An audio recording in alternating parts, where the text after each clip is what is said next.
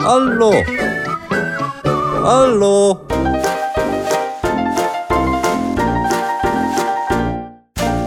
Aflevering 126 van Team Talk van zondag 21 juni 2020. Van harte welkom bij de Nederlandse podcast over pretparken en themaparken. En ik ben Thomas van Groningen. En ik ben eh, Maurice de Zeeuw en het is eh, zondagochtend vroeg. Ja. Ik denk dat wij voor het eerst in onze geschiedenis eh, in de ochtend opnemen. En op zondag ook. Dat is ook voor Op zondag ook. Ja, ik krijg er een beetje Ja. een ochtendshow gevoel bij. Zo'n eh, zo'n ochtendshow op de Ja. radio, weet je, met van die eh, bulderende sidekicks. Oh, ja. Zeg Thomas, eh, nou het gaan we lekker hè, op de weg. Hey, John Bakker van de AWB, staan er nog files? Hey. ja, zo ja. Ja, ja, ja, ja. ja. ja. En dan bij iedere flauwe grap heel hard lachen. Ja. Eh, en er is nu ook een ochtendshow op de radio, ik ga niet zeggen welke dat is. Waar ze Mhm. waar, waar ze eh, extreem positief doen. Als iemand iets, iets zegt, weet je wel. Waar ze heel lief en... Oh, ja, ja, ja. Nou, laat maar. hey, eh Maurice, we Oh. hebben genoeg te bespreken, want het gaat over attractieparken in Team Talk. En jij bent deze week... ja, we dachten in, we doen eens gek. Ja, jij bent in Max en Moritz geweest. Ja, zeker. Eh, Deze week eh, waren er allerlei persopeningen. Hebben ze uitgesmeerd op allerlei vlakken. En eh, wij mochten ook langskomen. Dus eh, toen heb ik voor het eerst mijn ritje gemaakt in Max en in Moritz. Ik zie Hongkong staan, daar moeten we het over hebben. Ik zie Walt Disney World Ja. staan, moeten we het over Ja. hebben. Harry Potter gaan we het over hebben. Over de lockdown en een verjaardag inderdaad. Nou, genoeg te bespreken. Mhm. Maar voordat we zeker. daar allemaal aan toe komen, eh, gaan we het gewoon even lekker losjes over pretparken hebben. In de rubriek, wat is jou deze week opgevallen in pretparkland? Is dat een rubriek tegenwoordig? Dat we eigenlijk een jingle voor maken. Het komt toch iedere week terug? Ja. de- Moeten we dan, net als die ochtendshow, ook zo'n jingle voor hebben? Of dat niet? Nee, nee, nee, nee, nee. Dan wordt het zo'n kermis.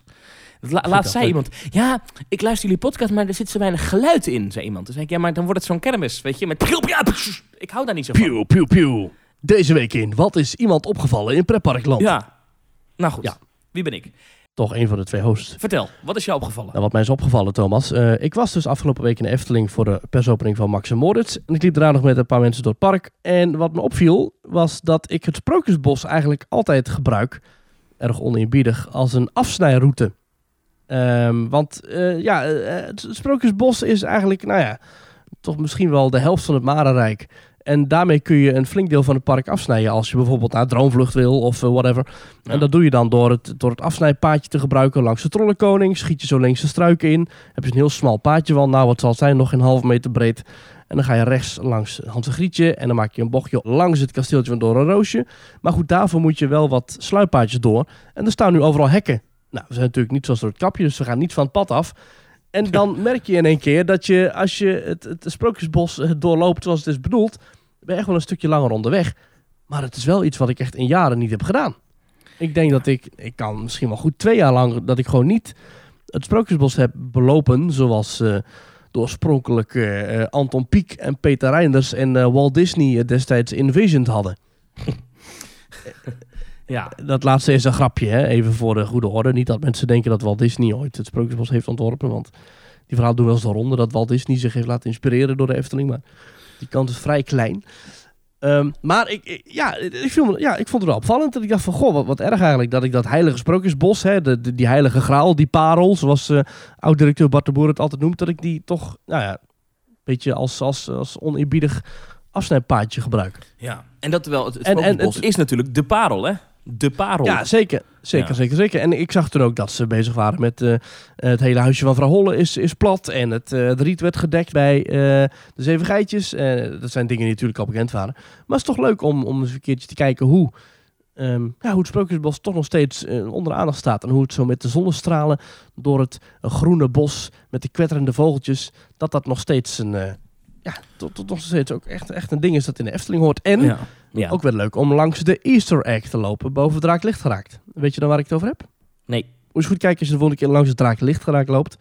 Boven in de bomen hangt een knapzak en een bezem. Ah, Eh, daar is een eh, hek zogenaamd. Eh, in de bomen is daar, heeft daar een, een, een mislukte landing gehad. In de bomen. Moet je eens goed kijken.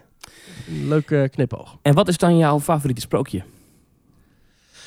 Eh, mijn favoriet sprookje is het meisje met de zwavelstokjes. Ah, ja. En ook daar moest je helemaal langs slingeren. Toch een, een, redelijk modern sprookje. Ja, maar niet zozeer in. ehm, dat, dat klopt, qua techniek is dat ontzettend modern. met een eh, projectiescherm en met een enorm eh, reflectiezeil. Maar dat is iets wat in principe niet...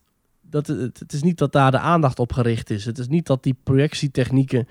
dat daar zoveel aandacht op wordt gericht. Het is iets wat wordt gebruikt om het sprookje uit te beelden. Maar de, de, de, look en feel en de sfeer van het sprookje... is van een ouderwets nostalgisch straatje waar je in kijkt. Ja. En wat is jouw favoriet sprookje? Ehm, twee dingen. Eén, ik vind het kasteel van Doornroosje in het Sprookjesbos Aha. het allermooiste bouwwerk in een attractiepark ter wereld. Vind ik echt. Ik vind dat echt fantastisch. Echt? Dat, dat klopt. Als je daarvoor staat, dat klopt helemaal.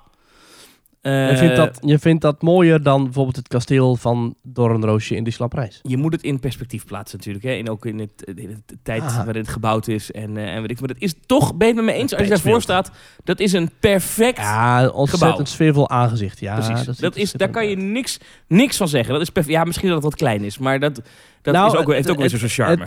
Het is niet zo hoog, maar het ligt wel op een berg. En juist omdat ze het zo slim hebben gedaan met die berg en het kasteeltje zelf, lijkt het een enorm onneembaar slot. Terwijl het eigenlijk gewoon een heel schattig klein kasteeltje op een hoge berg is. Ja, en het is wel, denk ik, van alle gebouwen in het Sprookjesbos het meest imposant, denk ik. En iconisch. Ja, ik vind ik echt, vind ik echt fantastisch. En ik vind qua, qua vertelling, eh, Meisje met de Zwavelstokjes zeker. Maar Ja. ik heb een zwak voor de Chinese nachtegaal. Oh, zo, oh dat- oké. Opvallende keuze. Die wordt toch niet zo vaak genoemd als favoriet. maar die ik weet niet wat het is, maar dat eh, is... Qua, als je het hebt over een verhaal vertellen, is dat natuurlijk heel goed gedaan. Ja, vind je dat? Ja, dat vind ik wel. Ja, en ja, je kunt allemaal natuurlijk de nieuwe kleren van de keizer eh, noemen. Ehm, Mhm. maar ja, dat is helemaal, maar dat, dat is echt eh, sec, een verhaal echt helemaal vertellen met scènes en dingen. Maar ik vind dat bij de Nachtegaal, ja, ik vind dat mooi. Ik vind dat dat, dat, dat pandje mooi, dat paadje er naartoe mooi. Ik vind de plek waar Ja. het ligt mooi. Het is bijna helemaal af. Ja, Chinese Nachtegaal en Kleren van de Keizer die vertellen allebei eigenlijk het verhaal helemaal. Dus het begint echt van, er was eens een keizer. Ja, En die hield van de allermooiste dingen. Of er was eens een keizer en die was zo ijdel. Terwijl bij, als je bijvoorbeeld kijkt naar Rapunzel, Rapunzel wordt ook het hele verhaal verteld, maar er wordt maar één scène uitgebeeld. ja, En bij de Chinese nachtegaal is dat een beetje 50-50, want daar wordt en die gouden vogel laten ze zien, en die dode gezichten, zeg maar, in de gordijnen, en het skelet, eh, de dood zelf, en dan ook nog die twee bedienden die komen kijken naar eh, de keizer. Ja. Ja, ze hebben in sommige, ze hebben verschillende verhaalstijlen gebruikt in, eh, in het Sprookjesbos. Tot bij ik, ik heb er gewoon een zwak voor. Ik hele verhaal verteld. ik, ik weet niet precies waarom, maar ik heb voor dat sprookje op een manier een... eh, dat vind ik dan, eh, denk ik, even bijzonder mooi. Ik vind bijvoorbeeld ook... ehm, Mhm. Ik weet dat jij die verguist, en dat veel Efteling-fans... bijvoorbeeld Assenpoester van de buitenkant vind ik niet zo geslaagd. Maar ik vind de verhaalvertelling binnen wel heel goed. Ik, ik vind het zo jammer dat er zo onlogische keuzes zijn gemaakt bij het gebouw van Assepoester. Ja. Want Die pompoenen erop en even zo. kort. Nou, in het, in het verhaal zijn klokjes en muiltjes heel belangrijk. Maar die, zijn niet, die waren niet belangrijk toen het gebouw werd gebouwd. Nee, Zeg maar in het verhaal. nee. Ja, ja, want ik denk niet dat die stiefmoeder toen ze het huis liet bouwen... dat ze toen dacht van... Hmm, er gaat ooit een moment komen dat een bewoner van dit huis... iets heeft met klokjes die op 12 uur staan. Laat ik die alvast in de architectuur verwerken. Ja. Nu hebben ze volgens mij wel, sinds de Zes Zwaan is geopend... eh, een muur gesloopt aan de rand van de tuin... En in diezelfde muur zaten ook eh, glazen muiltjes en pompoenen verwerkt. En die slaan natuurlijk ook nergens op, net als die klokjes. Want die hebben ook te maken met het verhaal en niet met de personages die er gingen wonen. Dus eh, dat die muur nu is gesloopt, dat is wel, ja, wel goed voor de storytelling. Maar goed, Maar een goed, kniesoor die daarop let. Knie, zeker. En maar staat dat, dan ook weer in het eh, maar, eh, eh, jouw punt was, het Sprookjesbos, de hele route lopen, dat is toch wel echt wel een pareltje. En mooi. Het is eigenlijk wel een pareltje. Ja, en het viel me eigenlijk op dat ik dat, dat ik dat voor mezelf, ik weet niet hoe het bij de luisteraars zit, maar ik, dat ik het Sprookjesbos eigenlijk heel vaak gebruik als een afsnijroute. Terwijl het toch eigenlijk wel veel meer is dan dat. Ja. Nou. Ja. Hmm. Ja, dus dat. Hmm. Hmm. En wat is jou opgevallen, Thomas? Ik was in eh, Toverland vorige week. Mhm. Eh, het was een lekkere dag, eh, middagje geweest. Mhm. En het was gewoon gezellig. Eventjes lekker wat achtbaantjes eh, gepakt. En Mhm. eh, mij viel op, en dat is misschien een beetje een domme opgevallen weer deze week, maar ehm Dwervelwind is Ja. best wel een heftige attractie. Dat ja, de draaiende achtbaan. Ja, maar ook zeg maar, voor een draaiende achtbaan nog best wel heftig. Terwijl Ja, dat oogt en klinkt allemaal als een achtbaan waar je best wel leuk met je neefje van vijf in kan. Maar mhm. holy shit, dat ding gaat hard. En dat ding draait hard. En ik was echt een beetje misselijk toen ik eruit kwam. Dat, wou ik, dat ja, was mij je opgevallen. kan, je, je- je kan zomaar eens inderdaad eh, het geluk of de pech hebben, ligt maar net aan hoe je het ziet. Dat eh, als je met een vriend daarin zit en achter jou tegen je rug zit zeg maar maar één persoon, dus dat het gewicht ongelijk is verdeeld, Ja. dat je karretje echt als een zieke begint te spinnen. Dat is, Maar dat is eh, nu dus de hele tijd, vanwege corona, eh, vullen ze maar de één kant van de Ah, karretjes de ja. hele tijd. Misschien dat het Oh, daarmee te maken heeft. Maar ik zat Ah, echt... Ik, ik, ja, ja, ja, ja, ja, ik ben ja. al sowieso niet zo fan van spinning eh, coasters. Want ik word er altijd heel Mhm. misselijk van. Maar goed, ik ga er wel altijd in. Maar ik, ik had dit... Dit was echt... ik Ja, zat echt in wel, remsectie. Ik zat echt zo uit te puffen. Ik, ik vond het heftiger dan Phoenix en Troy. Ja, dat klopt wel. Ja, zeker als je meerdere rondjes gaat. Ik weet dat ik in de begintijd dat ik dan meerdere rondjes achter elkaar heb gemaakt. En dat ik dan echt aan het einde dacht van, oké, ik moet nu ook echt wel even uitstappen. En ik zou dit niet 24 uur volhouden. Nee, absoluut is niet. echt een... eh, Maar het is wel een aanslag leuke, op je een leuke evenwichtsorganen. Leuke achtbaan. Mag gezegd. Ja. Zeker. En Ja. ehm, ik denk misschien wel een van de eerste buitenattracties met on-ride audio. Even vooruitlopend op Max en Moritz. Oh ja. Ken Ja. je nog meer buitenachtbanen met on-ride audio? Echt met speakers in je karretje? Eh, Casey Jr. in eh, Disneyland Parijs? Ja. Kees Jr., eh, Pixar, eh, Pier, eh, die, die achtbaan.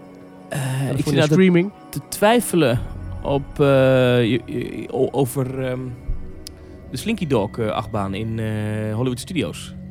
Heeft Oh nou ja, ja, ik ben daar niet in Dat weet ik geweest. dat weet ik Ja. niet zeker. Dat weet ik niet zeker. Ik weet ook niet. Ja, die rij heb ik gezien, dus ik, heb daar niet, ik ben daar niet in, in de rij gestaan. Maar volgens mij was dat niet on-ride muziek. Ja, er zijn er wel meer on- je- hebt wel geluidseffecten en muziek. En dit dat is bijvoorbeeld af- bij het afschieten van Slinky Dog. Maar dat staan zijn gewoon speakers langs de baan. En natuurlijk de, de Rip echt- Ride Rocket in eh, Universal Studios, waar je je eigen muziek kan kiezen. Oh ja. Ja, ja, ja, ja, ja. En in Nederland? In Nederland, in Nederland, in Nederland.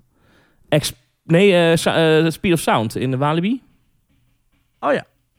Ja, zo Ja, uniek ja, is ja, dat ja. niet meer. Maar goed, oké, wel leuk. Nou ja, eh, als, we, als wij nog geen handvol attracties kunnen bedenken in Nederland... die on-ride muziek heeft buiten... Max Moritz, Speed of Sound en uh, Dreadful Wind. Ja, dan is het wel redelijk uniek, ja. Wel redelijk uniek. Hey, eh, zullen we daar zo verder over gaan praten? Maar eerst eventjes checken wat, eh, wa- waar mensen ons kunnen steunen, volgen ja, en zo. zeker. Zeker. Ja, je kunt ons vinden via allerlei social media kanalen. Wij hebben denk ik wat actiefste van onze kanalen is ons Twitter account. Dat is @themetalknl. Waar wij elke dag allerlei leuke eh, tweetjes plaatsen, interactie met onze followers. Dus eh, voeg je zeker bij die club followers via twitter.com slash themetalknl. Je kunt het ook nog vinden via eh, Soundcloud. Je kunt het beluisteren via allerlei podcast apps. Je kunt het beluisteren via Spotify. Doe dat ook zeker. En als je een review kunt achterlaten of een recensie of een aantal sterren kunt uitdelen, zeker doen. We moeten binnenkort maar eens een keertje wat eh, leuke reviews voorlezen. Dus eh, wil je binnenkort worden voorgelezen in de podcast, dan kan dat. En wil je nog vaker worden voorgelezen in de podcast, reageer dan ook eens op onze wekelijkse stelling. Ehm, dat is vandaag dus zondag 21 juni en ik heb gisteravond weer een nieuwe online gezet. Die gaat over de prijzen van pretparken in coronatijd. En moeten die prijzen nou lager worden, omdat de beleving toch eh, minder is vanwege spatschermen en minder capaciteit en dichte attracties? Of mogen die prijzen hetzelfde blijven, of moeten die misschien wel omhoog, die prijzen, omdat die parken Oh. het al moeilijk genoeg hebben? Hoger, Ja, dus lager. reageer, Hoger. reageer, daar- ja, Lager. precies. Reageer daarop eh, via het themetalk.nl. Hoger. We hebben vorige week een poll geplaatst over de pretparken in Nederland en de pretparken in België. Zijn die nou te snel in Nederland weer geopend of zijn die nou te langzaam in België? Want Ja. in België gaan ze pas in juli weer open. Eh, en de uitslag daarvan was, Thomas, Nederland is te snel, had 40,1%. En België is te traag, had 59,9%. Dus het hangt redelijk samen. Hè? Dus zegt dat 40% van de, van de pollbezoekers vindt dat Nederland eigenlijk te snel weer is in het heropenen van pretparken. Terwijl 60% vindt dat in België men veel te langzaam handelt. Oh. Dus wat is het overheidsbeleid ten aanzichte van eh, pretparken? Dat zijn in totaal eh, 394 stemmen. En daarvan vindt 40% dat Nederland te snel is. Ik, weet, ik, ik vind het eigenlijk niet. Ik vond het goed te doen in de Efteling weer. En eh, jij bent het Overland geweest en Walibi ben jij geweest. Vind je dat wij te snel zijn in Nederland? Eh, nee. Met het Ehm, invoeren en het eh, opschalen? Nee, maar wel leuk om even bij stil te staan. Wat wel zo is, dat die parken hebben natuurlijk allemaal gezegd... eh, we gaan met een veel lagere capaciteit open. Dus we laten veel minder mensen binnen dan voorheen. Nou, ik ben Ja. geweest op dagen dat het volgens mij... eh, eh, dat ze echt wel richting die max gingen in, in Walibi en Toverland. dan was het gewoon Mhm. gezellig druk, was goed te doen. Met name in Walibi is het op dit moment erg goed geregeld, omdat je daar die virtuele wachtrijen hebt. Dus dat vond ik echt heel goed. Ja. Je hebt Mhm. daar echt niet, je staat niet lang in een wachtrij. Tuurlijk heb je nog wel dat als je dan aan de beurt bent in de virtuele wachtrij, dat je dan nog eventjes moet aansluiten. En één keer heb ik bij Lost Gravity wat langer moeten wachten. Maar het is allemaal best te overzien. En ik moet zeggen dat de anderhalve meter daar ook best wel goed ging. Ehm, Mhm. in Toverland ging dat ook wel oké. alhoewel mensen daar zich toch alweer minder aan die anderhalve meter hielden. Dat ligt niet aan het park hoor, maar dat was gewoon op het moment wat de mensen daar deden toen ik er was. Ehm, Mhm. maar, maar wat wel zo is, is dat je wel merkt dat een aantal parken, onder de Efteling de laatste tijd, heb ik het idee, ik kan het niet hard maken, want ze maken nooit geen cijfers bekend.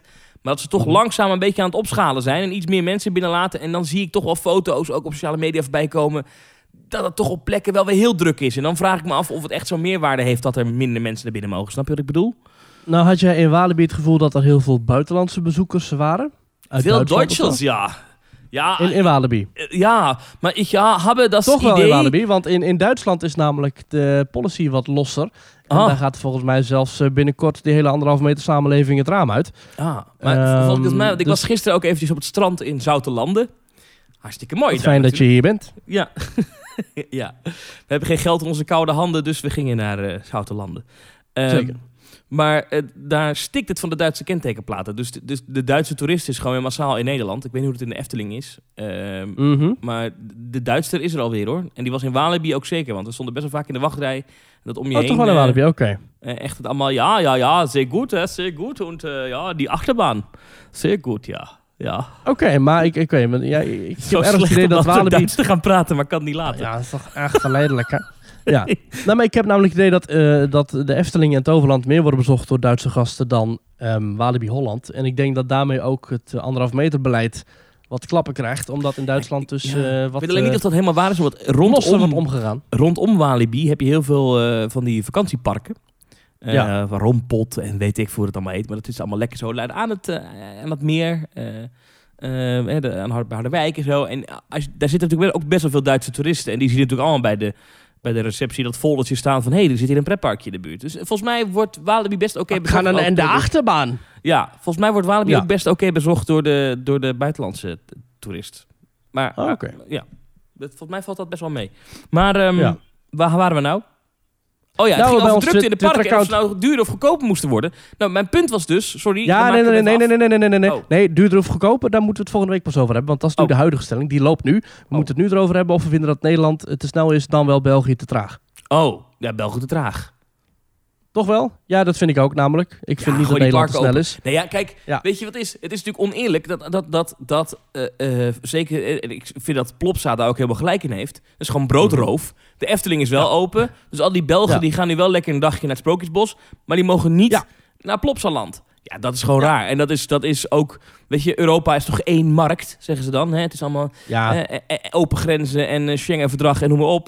Ja, dat is natuurlijk niet Mhm. eerlijk dat een bedrijf van de ene kant van de grens dicht moet blijven. Omwille van, ja, corona, ik snap het wel. Maar het is niet dat corona nou anders is in België dan bij ons, toch? Het is hetzelfde virus. Maar dat je nee, dat klopt. 50 kilometer verderop eh, wel in een pretpark mag lopen. Dat is oneerlijk. Ik heb ook bij dat 1 Europa verhaal, ik heb dat ook als ik eh, weer geld in die trog gooi bij de slagbomen op de snelwegen in Frankrijk. Dat ik dus in Nederland als eh, Fransman geen eh, tol hoef te betalen als ik naar bijvoorbeeld de Efteling ga. Maar dat als ik naar Disneyland Parijs wil, dat ik dan wel daar tol moet betalen. Ik bedoel, ja, als je dan toch 1 Europa hebt, zorg dan dat overal hetzelfde beleid wordt gevoerd. Ja. Maar goed, dat is weer een heel ander verhaal. Eh, maar ik, eh, luisteraars reageren ook op Twitter. Die zeggen ook van nou, aan de parken ligt het niet. Zegt Vlek RC. die zegt de protocollen en regels zijn goed uitgelegd. De mensen zijn inderdaad het probleem. Eh, ik denk dat dat ook een beetje het punt is inderdaad. Als je gewoon de gasten hebt die zich houden aan de regels, dan kun je makkelijk opschalen naar veel meer bezoekers. Als mensen zelf denken van, oh, het is hier te druk op dit plein. Van, oh, deze reis staat veel te vol. Of wacht even, ik ga niet in dit gedrang mijn kind eh, eh, omhoog gooien. Ja, dan, als mensen daar een beetje wat aan houden, dan kun je als park ook veel beter die, die, die, die regels naleven. Dan kun je ook veel verantwoorder openen. Maar goed, als de gasten dat niet, niet doen, dan zit je daar toch aan te kijken. Eh, Tony Puik reageert ook. Die zegt, eh, elk pretpark weet dat mensen hun verstand thuis laten... eh, zodra ze een park binnenwandelen. En crowd control is altijd een issue in parken. Mensen en schapen. Is het niet heel naïef om nu opeens verbaasd te zijn dat mensen dit soort gedrag vertonen?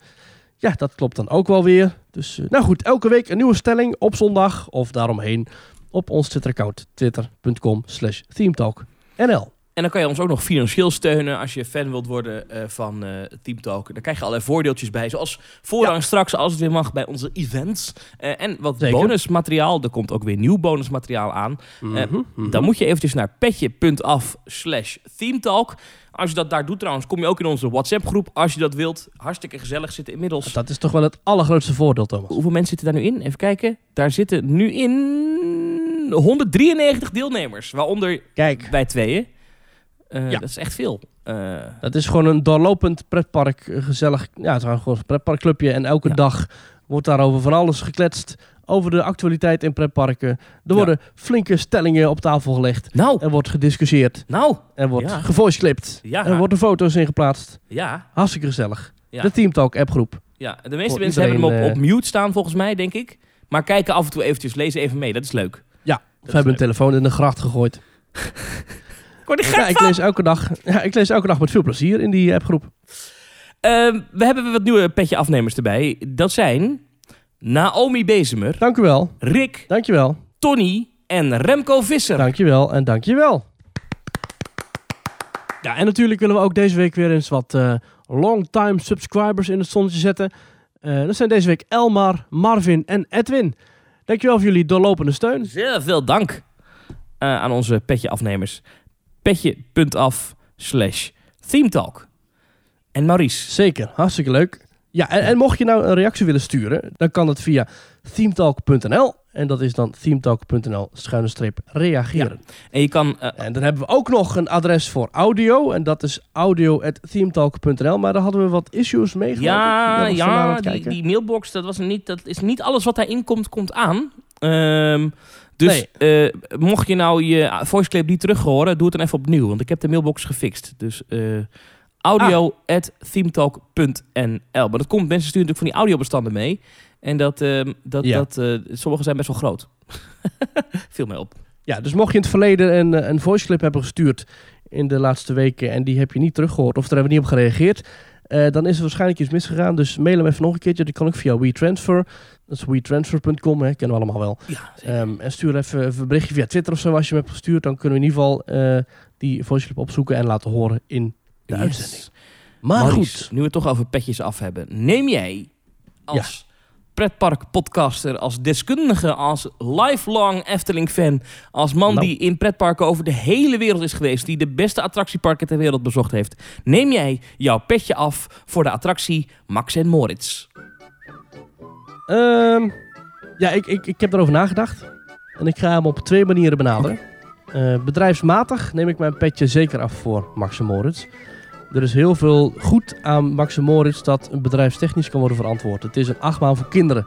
Dus het is echt een instapmodel. Er zijn twee achtbanen, dus het is een hoge capaciteit. Instapmodel. Het is, Sorry, dat eh, klinkt als een wasmachine. Ja, nou ja, dat is het eigenlijk ook. Oké, maar bedrijfsmatig. Ja, instapmodelletje, ja. Bedrijfsmatig is het een heel slimme investering. Het is namelijk een oude achtbaan. De Bob die was afgeschreven is weg. En met een paar lichte aanpassingen hebben ze toch hetzelfde thema kunnen behouden. En daar een, eh, een rechtenvrij eh, volksverhaal omheen geplakt van Max en Moritz, twee qua jongens uit Duitsland. Een verhaal dat heel veel Duitsers vooral kennen. Ehm, nou, ik vind dat een heel slimme keuze. Ik vind het ook slim dat ze de ruimte die ze hadden opnieuw hebben gebruikt. Er zijn heel wat bomen gekapt, maar daardoor is heel veel ruimte vrijgekomen voor de bouw van de nieuwe achtbaantjes plus eh, de wachtrij. Ehm, het is ook leuk aangepakt met een gebergte soort of. Ehm, dus ja, bedrijfstechnisch is het een heel slimme keuze. En ze staan weer even in de aandacht. Maar als ik ga kijken naar mijn persoonlijke opvatting over de achtbaan, dan vind ik dat er heel veel gemiste kansen zijn. En dat vind ik heel jammer. Want de Efteling heeft met bijvoorbeeld de bouw van de Baron, hè, of met het afwerkingsniveau van Symbolica, hebben ze echt wel een bepaalde lat neergelegd die in de wijde omgeving onovertroffen is. En met Max en Moritz hebben ze die lat bij lange na niet gehaald. Dus bedrijfstechnisch zou ik zeggen zeker een 7,5 of misschien zelfs al een 8 voor Max en Moritz. Maar persoonlijk komt het niet boven een 5,5 uit. Vijf en een half. En dat vind ik heel jammer. dat is toch niet best, nee. Ja. Kan je ook uitleggen waar, hoe dat, waar dat door komt? Nou, dat komt toch onder heel simpele budgetkeuzes die zijn gemaakt. Het lijkt me ook heel frustrerend als ontwerper om dat te zien. Maar dat bijvoorbeeld die grote Fabula-loods die er nu staat, die er nog steeds staat, die is nog steeds gewoon ja, een kille, kale, hoge, onafgewerkte hamburgerdooshal. Ja. Ehm, nou, dat andere gebergte, zoals het werd genoemd, dat, dat is niet heel veel meer dan af en toe wat heuveltjes. Met echt wel, er zit, er heel veel afwerking en oog voor detail in. Met, met kiezelpaadjes en met watervalletjes en met boompjes. Dat hebben ze heel schattig gedaan. Maar eh, daarop staan dan vervolgens wel de supports van een achtbaan. Die, die achtbaan die gaat 6 meter hoog eh, maximaal, dus dat is niet zo hoog.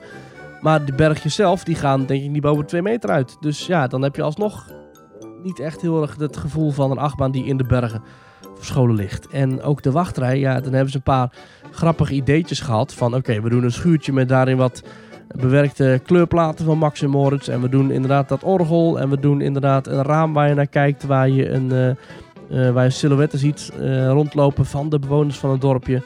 Een heleboel koekoeksklokken, een heleboel lampen. Allemaal leuk bedacht, allemaal heel speels en vrolijk. Ja. Maar die, die zijn dan verspreid over een meandering, een kale meandering van, van niet eens gebeitste balken. Het zijn er gewoon onafgewerkte houten balken van de gamma in meanderpatroon. dus gewoon simpel zigzag langs dat is echt elkaar. lelijk. Dat is echt lelijk. En dan, ja, dat is echt heel jammer. En dan hebben ze dan helemaal grappig en super guitig allemaal van die ontstoppers op de palen gezet. En teddyberen met een pijl erdoor. Ja, allemaal ontzettend hilarisch natuurlijk. Maar dat, dat werkt niet als het, als het af en toe een stukje thema is. En dan weer vervolgens 40 meter aan kale houten wachtrij. Nou goed, dat, dat, dat over de wachtrij. Het station zelf is, is mooi en, en sfeervol. Eh, er hangen twee poppen van Max en Moritz aan het plafond. En dus nog één extra pop van Max. Die je ziet als je in de trein van Moritz zit. Dus ja, qua poppen is dat wel oké. Ehm, ze glimmen wel een beetje, die poppen overigens, maar dat terzijde. Mhm. Eh, dus ja, in het station wordt echt wel een soort veer neergezet van allemaal radertjes en tandwielen en kettingen en eh, techniekjes. Ik hoop dat dat het ook blijft doen de komende Ja. jaren. Eh, want we hebben ook gezien dat bij Baron 1898 een groot tandwiel eh, en, en hoe heet dat eigenlijk? Van die, van die, van die spanbanden. Dat, dat, dat ging allemaal bewegen als de trein vertrok. Maar dat is een tijdje heeft dat stilgestaan. Dat is nu allemaal weer gefixt overigens, gelukkig. Dus in het station is het sfeervol en, en gezellig. Ja, vind je echt en sfeervol? Ik vond het niet en- zo sfeervol, je gezegd. Ik, ik zag de foto's, de persfoto's van Efteling, dacht ik...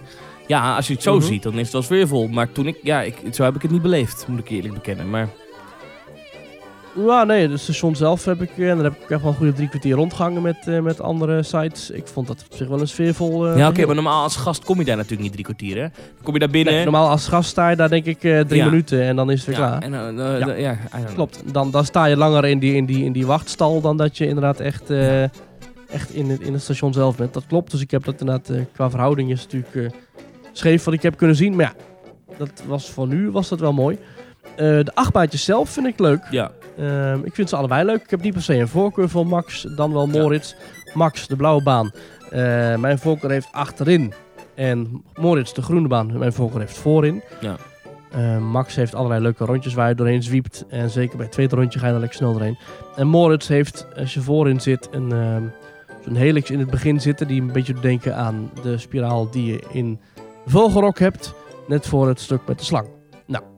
Hoe eh, ontzettend eh, diep dat allemaal wel niet gaat. Ik vond dat leuk. Leuke achtbaantjes. En daar hebben de achtbaanbouwers en de ontwerpers goed werk geleverd. Eh kun je verder niks over zeggen. Maar je kunt wel een hoop zeggen inderdaad over wat je vorige week ook al zei. Die ontzettend lelijke schutting als je naar beneden komt gewandeld. En gewoon de, totale onafgewerktheid op sommige stukken van de attractie. Ehm, ja, nee, het is niet de Efteling standaard. En het is toch, ja, hoewel ze... Ik, ik heb ze bij, bij de Baron allemaal horen kletsen over staal met een verhaal. ja. Ja, het, het was hier toch meer eh kaal staal met, eh, met af en toe een vandaal. Zeg maar. ja. Oké, maar de, de conclusie 5,5. Ja, dat, is- dat, is- dat, is- dat is niet, eh, niet hoog genoeg misschien. ja, nee, het is, het is niet die 9 plus die de Efteling eh, steeds eh, nastreeft. nee. Ben je nog bij vrouw Bottes Koegen geweest? Nee, nee, het is vrouw Boltes Kuchen. Oh. Heb ik geleerd van Kleine Boodschap deze week. Eh, maar die was dicht toen ik er was. Ehm, maar het leek me niet heel erg veranderd. Het is gewoon de steenbok hè, met een nieuw bord. Ik zag op de Instagram van eh, Jeroen Verheij, eh ontwerper bij de Efteling. Ja. Eh, zeker even checken mocht je hem nog niet volgen. Leuk, hij po- post heel vaak tekeningen van de Efteling, heel leuk.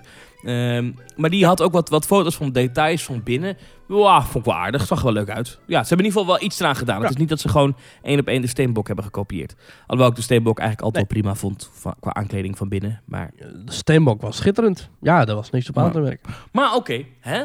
Die was recent nog aangepast. Er zijn kipkluifjes te koop. Ehm, dus niet zozeer die gefrituurde kipsnacks waar we het eerst over hadden. Maar het zijn echt kipkluifjes. Dus Ja. het zijn niet simpele eh, Mora eh kipnuggets.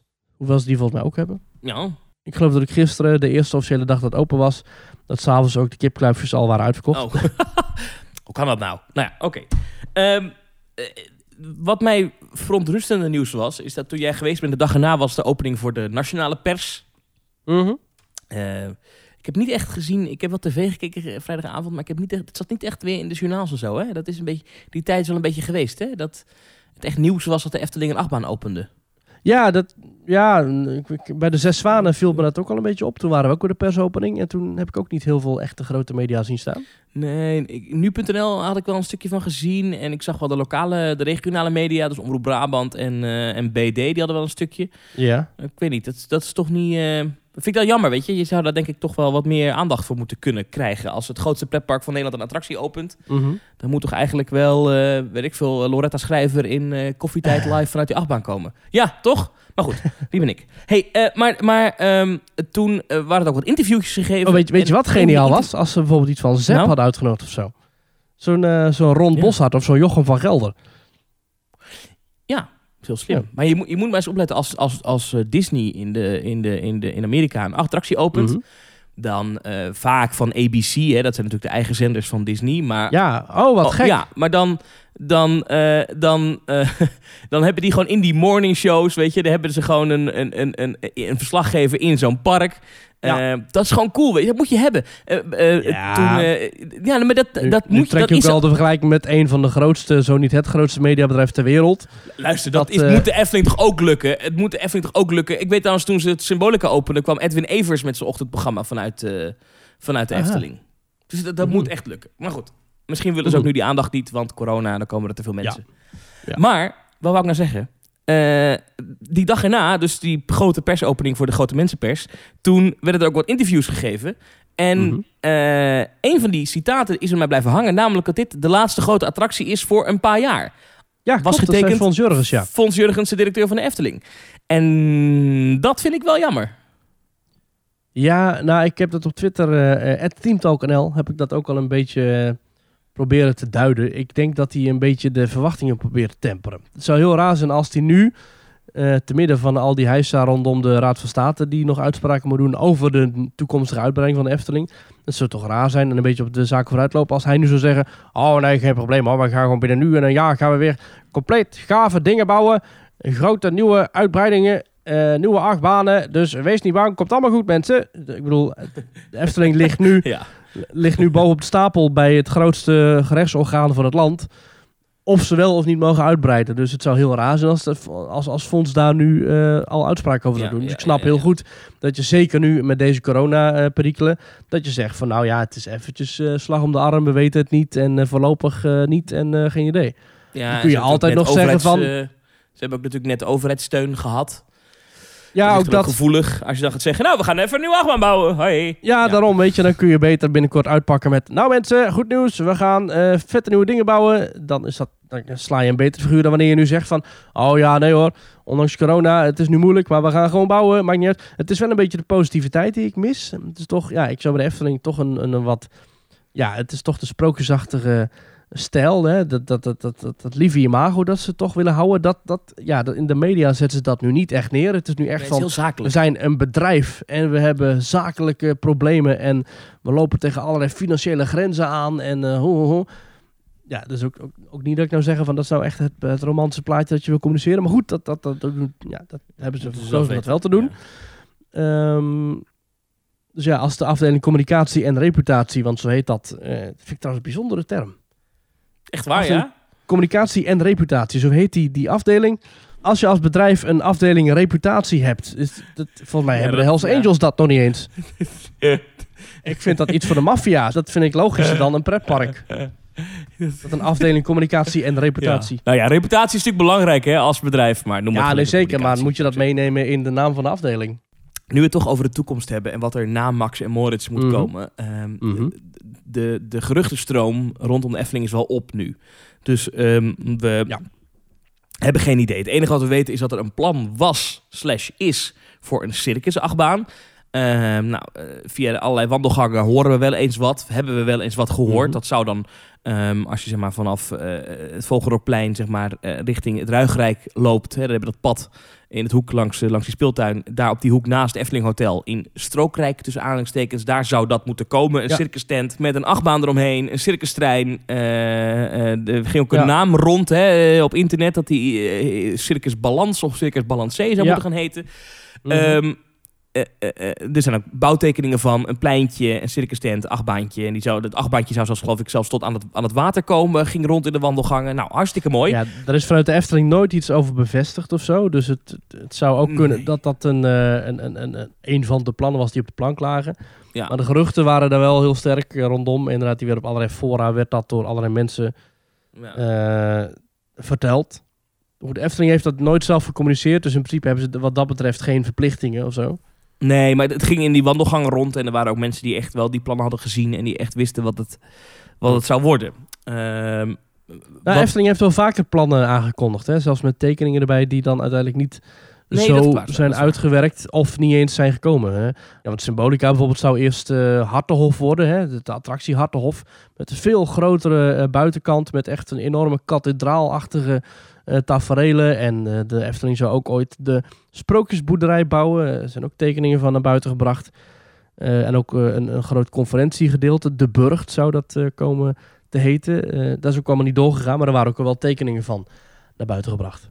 ja, maar goed, precies. dat even terzijde. Maar mijn, mijn punt was een beetje dat als die circus achtbaan er komt, dat zou dan een lanceerachtbaan komen worden. Ehm, en Mhm. ik, ik ben bang dat als, dat als het weer een achtbaan wordt en het moet echt een familie-ride worden. Want ik neem aan dat een attractie met een circus thema niet een keiharde thrill ride wordt à la Taron. Maar dat dat dat een- zou mooi zijn inderdaad. Maar inderdaad, nee. Ja, dat, dat past niet bij elkaar. Dus ik vraag me af dat als je na Max en Moritz over drie, vier jaar weer met een achtbaan komt. En dat dat, zou is nog best wel kunnen hoor. Een beetje een horrorthema, zo'n horrorcircus. dat, zou, ja, dat zou kunnen, maar dat weet ik niet of dat dan weer bij de Efteling past. Ja, trouwens, misschien wel. Ehm, maar snap je dat als het dan echt zo'n vrolijk circus balancé eh, eh, Casey Jr., maar dan gelanceerd wordt, vraag ik Mhm. me af of dat eh, niet een beetje too much of the same is. Snap je wat ik bedoel? Ja, precies. Dat het, een, dat het dan nog meer weer een achtbaan zou zijn. Want je hebt dan Max en Moritz, nieuwe achtbaan. Dan heb je Mhm. Joris en Draak, dat zijn ook twee achtbanen. Er zijn er eigenlijk al vier. Dan heb je Mhm. Python, Vogelrok, Baron, Vliegende Hollander. Er zijn nu al acht achtbanen. Dat zou dan met die circus achtbaan zou dat dan de negende achtbaan worden. Ja, ik zou dan, ik, ik zou dan toch stiekem hopen op een wat innovatievere ride. Denk even aan een Flying Theater, maar dan misschien toch wat unieker weer. Een, denk even Mhm. aan een, een, een, een, een, een Universal-achtige ride, eh, zoals eh, Transformers of The Great Adventures of Spider-Man. Mm, snap je? Ja, Forbidden Journey misschien. Forbidden Journey. Ik zou, als je dan echt even, echt even de, de- onze minds wil blowen, zeg maar, zou ik Mhm. daarmee komen als Efteling. Want ik denk dat je niet weer aan moet komen met een leuk gethematiseerde achtbaan met een voorshowtje en, eh, en, en snap je? Dat is... Flying Theater, ik weet niet of ze dat nog gaan doen hoor. Dat is een vliegsimulator. Dat heeft Europa Park geopend met Volutarium. Ja, Eh, in Amerika ken je dat natuurlijk als Sorin. Eh, Nederland kent zelf een, een, een This is Holland vliegsimulator in Amsterdam. Gewoon een losstaande vliegsimulator. Zeker een aanrader overigens. Ik weet niet of Mhm. de Efteling dat nu nog zou gaan doen hoor. nee, nee Dus dat daar vind nu- ik een eh, terecht punt. Ja, ja, ja. Ik zou wel gewoon wel weer eens een gave dark ride willen zien eigenlijk. En ik weet dat Ja, natuurlijk dus net Symbolica geopend 2017 is. is nog eh, Symbolica geopend. Ja, Die overigens bijna jarig is. 1 juli 2017 is Symbolica alweer drie jaar open. Maar zou een, een, een, eh, een, een spookslot revamp niet heel vet zijn? Dus dat je Ja, een reboot... ik zie dat wel zitten eigenlijk. Dat mag voor mij wel. En dan met bootjes, Omnimover. Eh wat, voor, wat, voor, wat, voor, wat voor systeem moet daarin? Ja, trackless attractie hebben ze dus ook net gebouwd met Symbolica. Misschien wel, misschien wel weer gewoon een, een Omnimover systeem, net als bij Carnival Festival. Misschien ja. wel.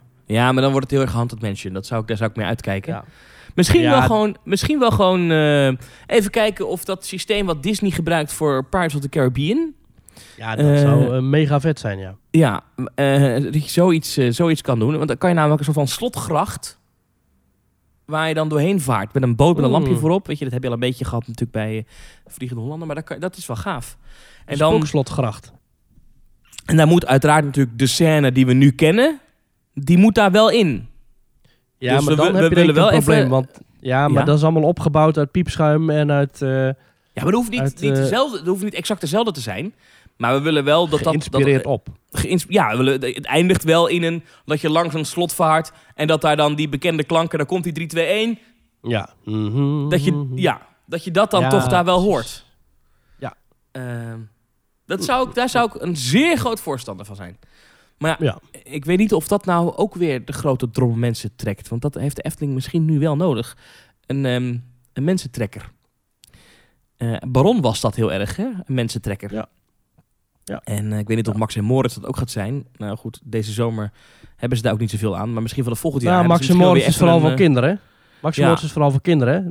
Max en Moritz is een soort kinderlokker. Maar dus je zou eigenlijk moeten kijken naar, als je hebt over 2021, 22, 23, echt weer zo'n attractie die echt in, in, in, in de zomermaanden hele volksstammen naar Kaatsheuvel trekt. Ja, dat, dat, dat, ik weet niet of een, of, een, of een spookhuis dat nog is anno 2020 eigenlijk. Nou, als je dat een Hmm. beetje eh, modern aanpakt, dan kan dat denk ik best wel gaaf worden. Hmm. Misschien een interactieve family dark ride of een shooter Dat heeft eh, de Efteling nog niet natuurlijk. met pistooltjes. Ja, en, en dan, ik, ik, ik geloof nog steeds, eh, maar dat heb ik al eerder gezegd in deze podcast, ik geloof nog steeds in de bekendheid van het volk van Laaf. Heel Ja. Nederland kent het volk van Laaf. En de Efteling doet Ja. daar eigenlijk geen zak meer mee. Dat is echt zonde. Het is echt wel voor de Efteling ontworpen, Ton van de Ven destijds. Dus volgens mij is dat, dat is gewoon een van de bekendste IP's die ze hebben. Op de Ja. sprookjes na. Misschien moeten ze daar wat meer mee doen. Eh who knows. Een volk van Laaf eh, shooter. Ja. Hmm, dat zou wel Hmm. gaaf zijn. Hmm, dit zou wel Hmm. gaaf zijn. Ehm, Hmm. Zullen we eh, even naar de, de Efteling achter ons laten en doorgaan naar andere pretparken? Nou, we hadden het net al heel even over ehm The Forbidden Journey van Harry Ja. Potter. Ja. De, de, de grootste uitbreiding van 2010. Want Ja. die is deze week 10 jaar geworden. Harry Potter blaast 10 kaarsjes uit. Gefeliciteerd, Harry. Harry, it's your birthday, Harry. Ja, precies. Het is denk ik wel een van de grootste, een van de grootste keerpunten in de geschiedenis van, de, van, van, de, van, van onze generatie. Van onze Ja. generatie. Dat The Wizarding World of Harry Potter werd geopend in Universal Islands of Adventures in Orlando. Ja. Dat is toch wel zo'n ontzettende media happening geweest. Dat hele park was in één keer was populairder dan ooit. Rijen van 10 uur voor de, voor de Forbidden Journey attractie. Eh, de verkoop van butterbeer, hè, de, de echte introductie van een signature snack. Ehm sowieso een themabeleving die, die niet stopte bij alleen maar een attractie, maar ook doorging in de restaurantjes, in de winkels, in de, de, de, de, de aankoop van je toverstaf. Bij ehm, De One Shop. Ollivanders. Ollivanders. Oh ja, ja, ja, Ollivanders inderdaad. Dat is zo'n enorme happening geweest. En nog steeds komen daar tienduizenden mensen per dag op af, zo ongeveer. Ja. Om maar Harry Potter te beleven. Ja, het was al zo'n succes dat, dat ze het even een paar jaar later ook hebben geopend in de Universal Studios Hollywood. En Ja. dat toen zelfs de burgemeester van Los Angeles destijds, Mhm. dat is niet de minste, dat is een grote stad, die zei: Mhm. Dit is heel erg belangrijk voor de ontwikkeling van het toerisme in, in, in Californië, in de staat Californië. Zo, hoppakee. Op eh, het openen van een Harry Potter pretparkje. Bizar. Bizar, ja. In Japan is, is het ook gebouwd, de Wizarding World. Ehm, en alleen in Orlando heb je dus ook nog in het andere park, het aangrenzende park, heb je ook nog Diagon Alley. Waar ook nog de trein tussen rijdt van Harry Potter en zijn klasgenoten. En waarbij je dus ook nog op bezoek kunt gaan bij de Gringotts Bank en zo. Dus dat is echt wel de meest complete Harry Potter beleving. Ook heel vet. Ik vond het Ja. ook fantastisch toen ik daar was, eh 2018. Ehm, ja, ik, ik, vind dat, ik vind dat echt een van de meest geniale concepten van de afgelopen nou, decennia in pretparkland. Dat hele Harry. Potter gebeuren is zo... Nou, Oh, gewoon die- hele, die hele, hele Harry World. Dat vind, vind ik zo slim opgepakt. Met, met, eh, de, met het kikkerkoor, zeg maar. Hè, de, de Frog Choir, of hoe heet dat? De Toad Choir, ik weet niet hoe dat precies heet. Maar met, met kleine actjes, met de bus die je terugziet in de films. Het, ja, het, is, het is geniaal. Echt een cash cow. Hey, wat zij natuurlijk gedaan hebben, en, en dat is iets wat, wat Disney tot op dat moment eigenlijk niet deed. En Mhm. eigenlijk in pretparken nooit echt voorkwam. Dat is zeggen, oké, je kent deze film. Deze film heeft een aantal iconische plekken. Weet je wat Mhm. we doen? We pakken gewoon zo'n iconische plaats en we bouwen die na. Dus je kan Ja. naar die iconische plaats toe. Dat is op zich, kijk, natuurlijk heeft Disney wel eh, eh, eh, uit de film Door een Roosje het kasteel nagemaakt. Alhoewel Mhm. trouwens niet, dat is niet hetzelfde kasteel, maar een soort van.